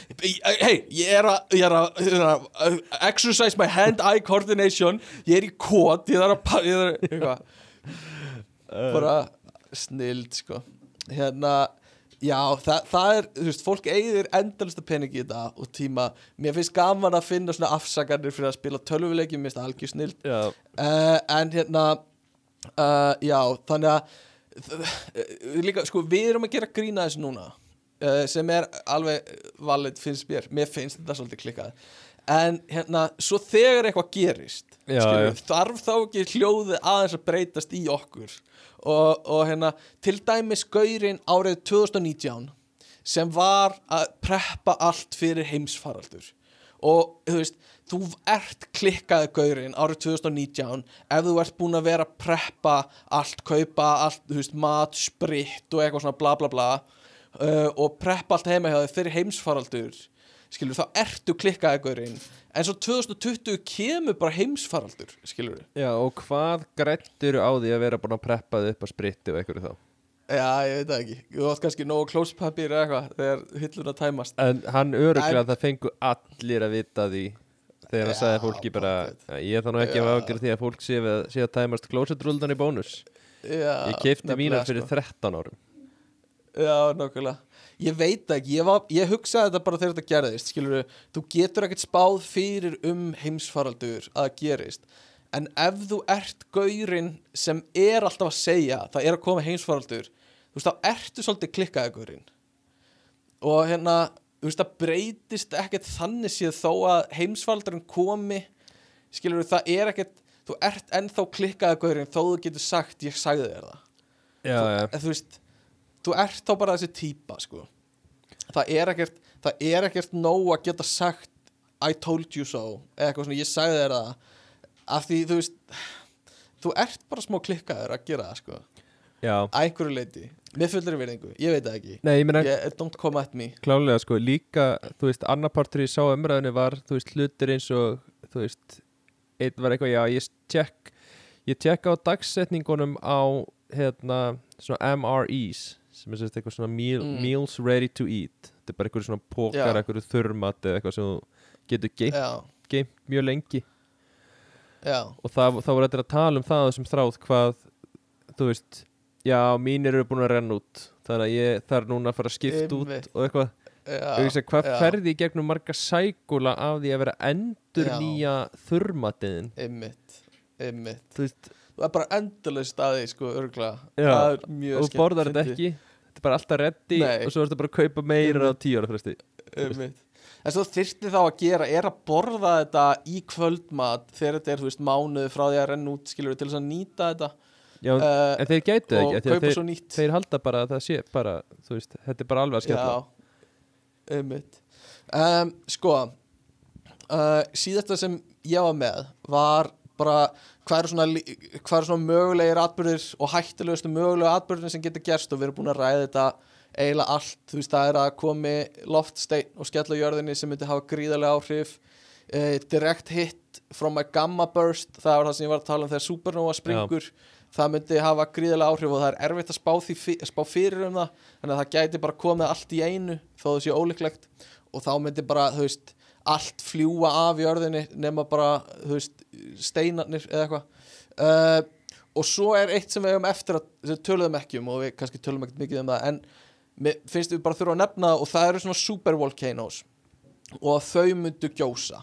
Og það er til dæmis eitt í Yellowstone í Bandaríkjunum Já, sem er komið svolítið fram yfir það sem venjulega er án gís. Þannig að þú veist það supervolcano er alveg komið á tíma og supervolcano er bara svona risastórt eldgós sem er bara eins og margar, margar kjarnorku sprengjur sem þeitir upp hérna uh, bara gósstrók og mekki og, og einhverju, veist, 40 km upp í loft flugvélar fljúa í kannski 10 km þannig að þetta er, þú veist, fjóru sinnum hæðin sem flugvélar fljúa upp sem, sem þú veist, þetta skýtur hérna uh, jarðvegi upp og eitthvað svona. Og það myndi hafa gríðarlega áhrif á lífið, sko, ef að þetta myndi gerast. Og þetta er komið fram með dag, sko. En, en svo er spurning, já, það er mjög ólíklegt að þetta gerist. Og svo er það sem er líklega líklegast að sé að fara að gerast er það sem ég var að tala um áðan sem er Carrington event eitthvað svipað á það það sem sólarvindarnir uh, koma til jarðar og eiðilegja ráftækin okkar. Þetta, að- þetta eru semst þessi hættulegustu? Þetta eru hættulegustu og mögulegu hættulegustu mögulegu atbyrðu sem geta gerst. Já, já, þannig að, að hérna uh, já, svolítið áhugavert. Ok. Og oft erfitt að spá fyrir um. Uh, já, Ég ertu hérna með, viltu tala uh, Hvað Nei, ég ætlaði bara að taka svona að lokum. Þá ætlaði ég bara að taka þú veist að ég, það er líka partur af þessum þáttum sem við erum að tala um á YouTube er það sem að Mhm. fá allir svona skor fyrir hversu vel undirbúinir eru. Það sem er svona þú veist, ok, þessir eru eitthvað svona ok, uh, já, fá eitthvað svona safety það er sko býtið að það er safety vatn og eitthvað eitthvað eitt Já. viðbót og svo er eitthvað sem heitir X-Factor sem við svona með eitthvað svona já, the X-Factor baby. aðeins ekstra En ég, ég vil bara tala um tengt þessu áður en við byrjum. Ég fór í Costco uh, í síðustu viku og hérna keifti mér hellinga þurrmat já, já, og þú mátti ekki dæma mig uh, en ég keifti að ég veit ekki hvort ég vil segja þetta sko. Uh, Jó, ah fuck it, jú, jú. Ég keifti 11 pakka á morgunkonni. Nei, Jú, nei. Ha, rosalegu þurrmatur sem ég á hérna heima sko. Uh, Jú. Keftur í alvörunni 11 Og- pakka á morgunkotni ég kefti 11 pakka morgunkonni í Costco og hérna þau koma allir í svona tve, tveimur pakkum Costco morgunkonnið uh, mér finnst gott að fá með morgunkon uh, þú veist, eftir æfingu eða eitthvað klukkan seint á kvöld eftir kvöldmat eða eitthvað svona. Uh, ég er ekkert mikið að borða á mótnana ég gera það stundum um helgar en hérna ég er alveg morgunkon strákur sko. En- og mér finnst gott að hafa svona variation já, á því og ég get blandað því saman skilur, að ég svona blanda saman. Ok já, Já. En, en af hverju ef þeir komið í pakk, pökkum á tveimur af hverju keftur 11 uh, ég er ekki kefti 12 eitt Coco Puffs sem var stakt. Ég skal segja hvað ég kefti ég kef... þetta er lúmst vandræðilegt ég veit ekki hvort allavega, ég kefti þess að svona Special K tvo pakka af því. Ég kefti svona uh, Kellogg's Cornflakes tvo pakka af því. Ég kefti Honey Nut Cereals tvo pakka af því. Og ég kefti hérna uh, Rice Krispies tvo pakka af því og svo kefti ég tvo af einhverju svona Honey Cornflakes sem er svona eins og Kellogg's Cornflakes Guð nema góður, ég held sko. að það væri býtu, ok, býtu ég held að þetta væri eitthvað svona eins og Honey Nut Cereals Já, nema já. Cornflakes svona, svona, en það var ekki, þetta er ógisla vond. Þetta er bara viðbjör, en nú á ég tvo pakka af því og mér langar ekki að borða. Það uh, þannig að ég er með 11 morgukors pakka heima hjá mér. Ok ok, takk fyrir mig, um, já. Við veist það mjög, þurrmatur mjög check. magnað en þetta er þurrmatur, check, ok, þurrmatur. En, en við erum að fara svolítið svona, við erum að fara svona svolítið hratt í gegnum þetta þannig að ekki hugsa of Ok. lengi um svörin. Ekki, uh, ég er bara að hugsa ekki neitt sko. þú veist um, hugsa aldrei. hvað ertu með mikið af vatni tilbúið og þú þurftir bara svona núna að grípa með vatn úr geimslu, kranar virki ekki lengur. Um, ég er með eina flösku fulla á vatni svona álf, eða svona já, flösku, eða eitthvað. Þar að þú myndir ég er segja ekki með vatn í brúsa. Já, já, þannig að sennilega undir 1500 lítrum. Þetta er alveg á mörkunum en við getum alveg sagt sennilega þetta sé undir sko. Ágæslega gott að alveg eru, eru sko, þú veist, 1500 er 0 til 1500 lítrar eru Já. lægsti valkosturinn já, já, og svo er eitt Já. sem er bara I have an indefinite source of water. Já, nice, nice. Sko, ég hugsa ég sé ekki þar Ég er, ég er sennilega einhver stára á bilinu 0 til 1500 lítrar af vatni. Ok, um, mm ertu með eitthvað aðferði til þess að hérna, svona hreinsa vatn? Uh, uh, nei, uh, nota viskast ekki og svona hellaði gegnum það til að ná drullin úr. Já, en ég get krossa við I can make a filter. Já, já, crossfæði við? I can make a filter. Ok, Já, úr viskast ekki Mhm. matur er svo oft núna heima hér Mundan endast er undir 6 mánuði 6 til 12, 1 til 2 ár 2 til 4 ár, 4 til 8 ár eða meira en 10 ár?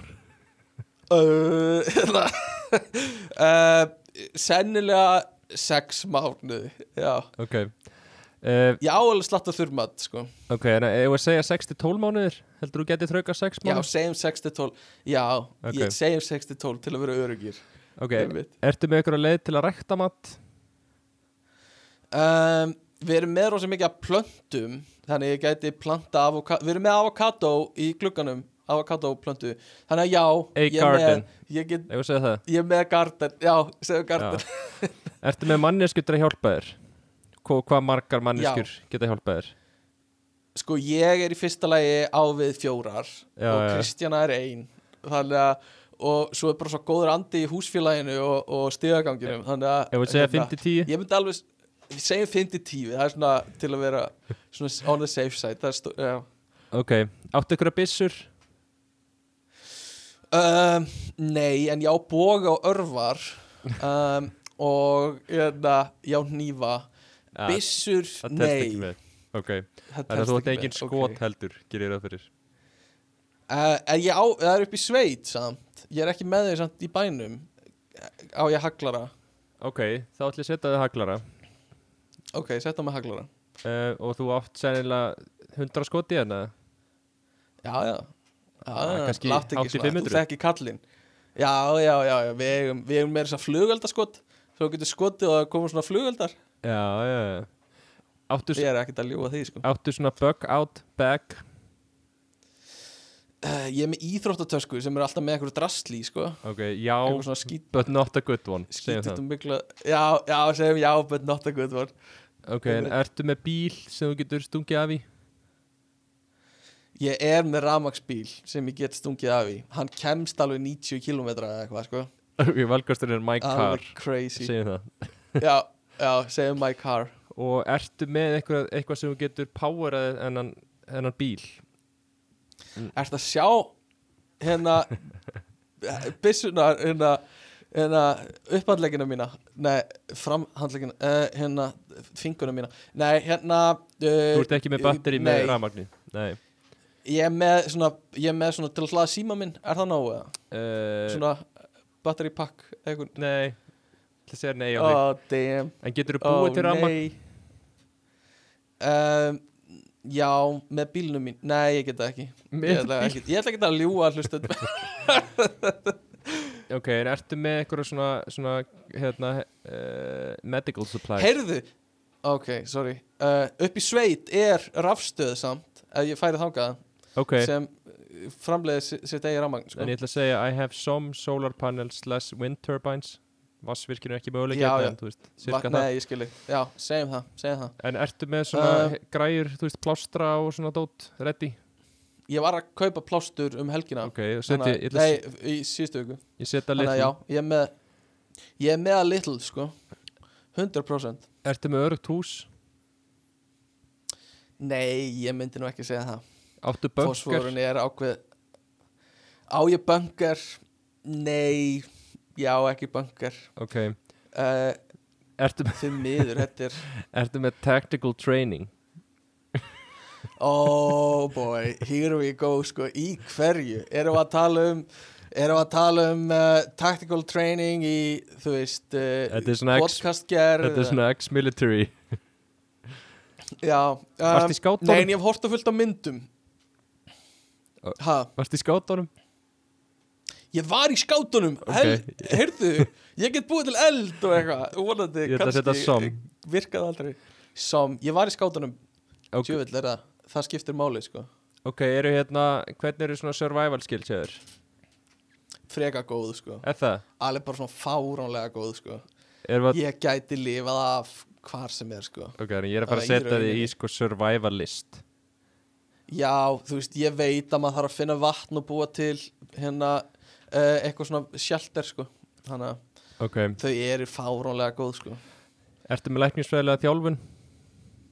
uh, Já, ég alveg svona veist, Ég myndi alveg segja það sko. Ég hef alveg, þú veist, horta á House til dæmis þættina Já, og Scrubs og eitthvað svona. Þannig að ég er svona síast allt inn. Ok, ég, uh, Ég get alveg, þú veist, get þér alveg sagt þér að þú ert með krabba megin já, ég geður average Ertu í góðu formi? Ég myndi alveg segja það sko. Ég er alveg finnst fyndið að valmennir eru I'm in okay shape I play sports eða I am a climber. Já. What? Þannig að þú ert svona I play Ég- sports. Já, ég, hérna, ég er líka svona díselvél sko Ef ég er að labba. Ég bara trukkast áfram Þó ég fara ekki trætt yfir sko. Já, já. Áttu eitthvað svona hergræjur Þú veist, night vision goggles Armor. Já Uh, já, armur minn, hann er í hreinsu núna þannig að ég get sennilega ekki sagt það. En uh, night vision goggles, nei en ég á vasanýf ég er með hann hérna með þessu ok Þannig að- já, ef að það er eitthvað, ég er að sína gumma vasanýf minn. Ég hérna, ok, eru fjóra spurningar eftir. Um, ok, Hvað ertu staðsettur? Ertu í urban area, small town, near a town eða rural? Rural, ég er urban area baby urban area. Are you good with your hands? oh, er þetta pick-up lína? Hérna uh, hérna, já, ég myndi alveg segja það sko. Ég smíðaði bekk fyrir húsið mitt uh, Ég ætla að setja á því I'm uh, amazing with my hands. Já, segðu það. Ég er, ég er það sko. Það er fáir sem eru jafn góðið með höndunum og ég. Mér er þetta mjög gott. Það er hérna Do you come up with good ideas? Og Og mér er svo fyndið að sjá Hvernig- fyrir sér einhvern svona survival guy að vera bara Já, ég er svona manneskið sem kem með góðar hugmyndir. Já, góðar hugmyndir.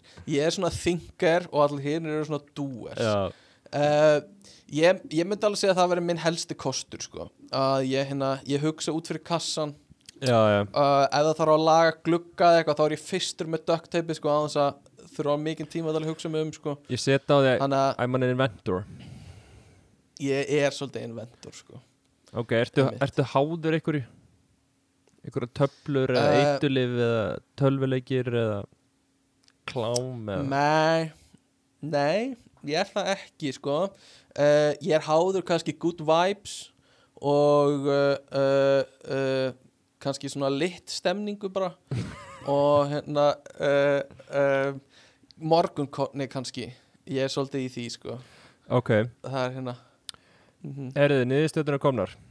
Hvað myndir Ok, býtu, þetta, þetta, þetta þarf að fyrir gegnum tölvuna! Já, Ok, þetta komið ég í gegnum tölvuna um, Hvað Ok. myndir halda frá 0 upp í 100?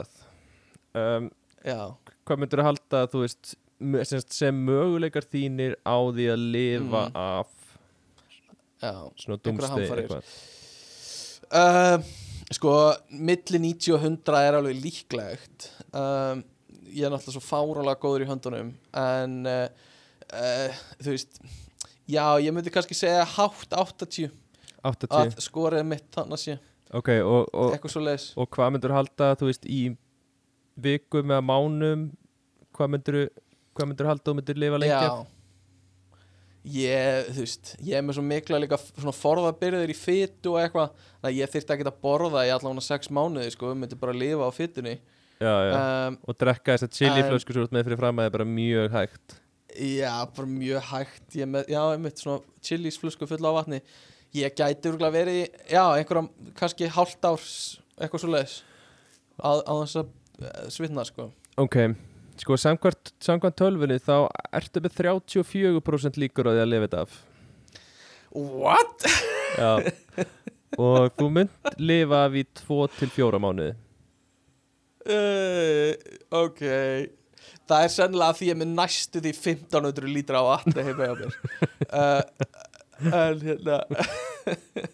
Uh, mm, Ok Uh, mér finnst það ósangjant mér finnst það ekki taka með í reikningin hvað ég tek mikið í backpressu og eitthvað svona. Nei, nei. uh, Sem skiptir öllu. ok, Mér, það er líka í lagi, ég sætti mig bara við þetta. Já, það, Mér finnst líka að finna að alltaf þau fá skorið í lokin á hérna dumsteið þáttunum. Já, Allir bregðast við eins og þeir bregðast í staðan fyrir að vera eitthvað Nei, við erum nú miklu hærra og eitthvað svona. Þá Já. bregðast við eitthvað svona, já Ég er klálega að fara núna að finna leiðir til að bæta mig á þessum sviðum og ég ætla að leita mér í þjálfun og þú veist. Já. Constructive criticism sko. Já. þeir taka þessu bara vel. Þeir vita hvað þeir þurfa að gera. Æði. Þeir eru fagmenn alltaf. Já, já. En þetta er allt. Já, já, þetta var geggjað. Uh, þetta var bara næs góð þáttur, langur þáttur uh, allt og langur á mínum mati uh, við segjum bara takk fyrir að hlusta, rauðindagsins dag var hvítur monster og styrtalæri þáttur þessi dag voru kirkjuklökur kling, kling, kling, kling, kling. og uh, hafið samband að ekkert frétta at gmail.com eða ekkert frétta á Instagram. Uh, takk fyrir að segja vinum ykkur frá þáttunum takk fyrir að reyta hann fimm stjörnur á podcast-miðlunum ykkar. Takk fyrir að hlusta, takk fyrir að vera til. Takk fyrir að vera því sjálf takk fyrir að hafa samband. Boring boring. Uh, Guðmundur, eitthvað meira sem þú voru spæta við? Nei. Ah, fucking shit. Ok, og hérna við kveðjum þá bara í dag. Mm, Bye. Bye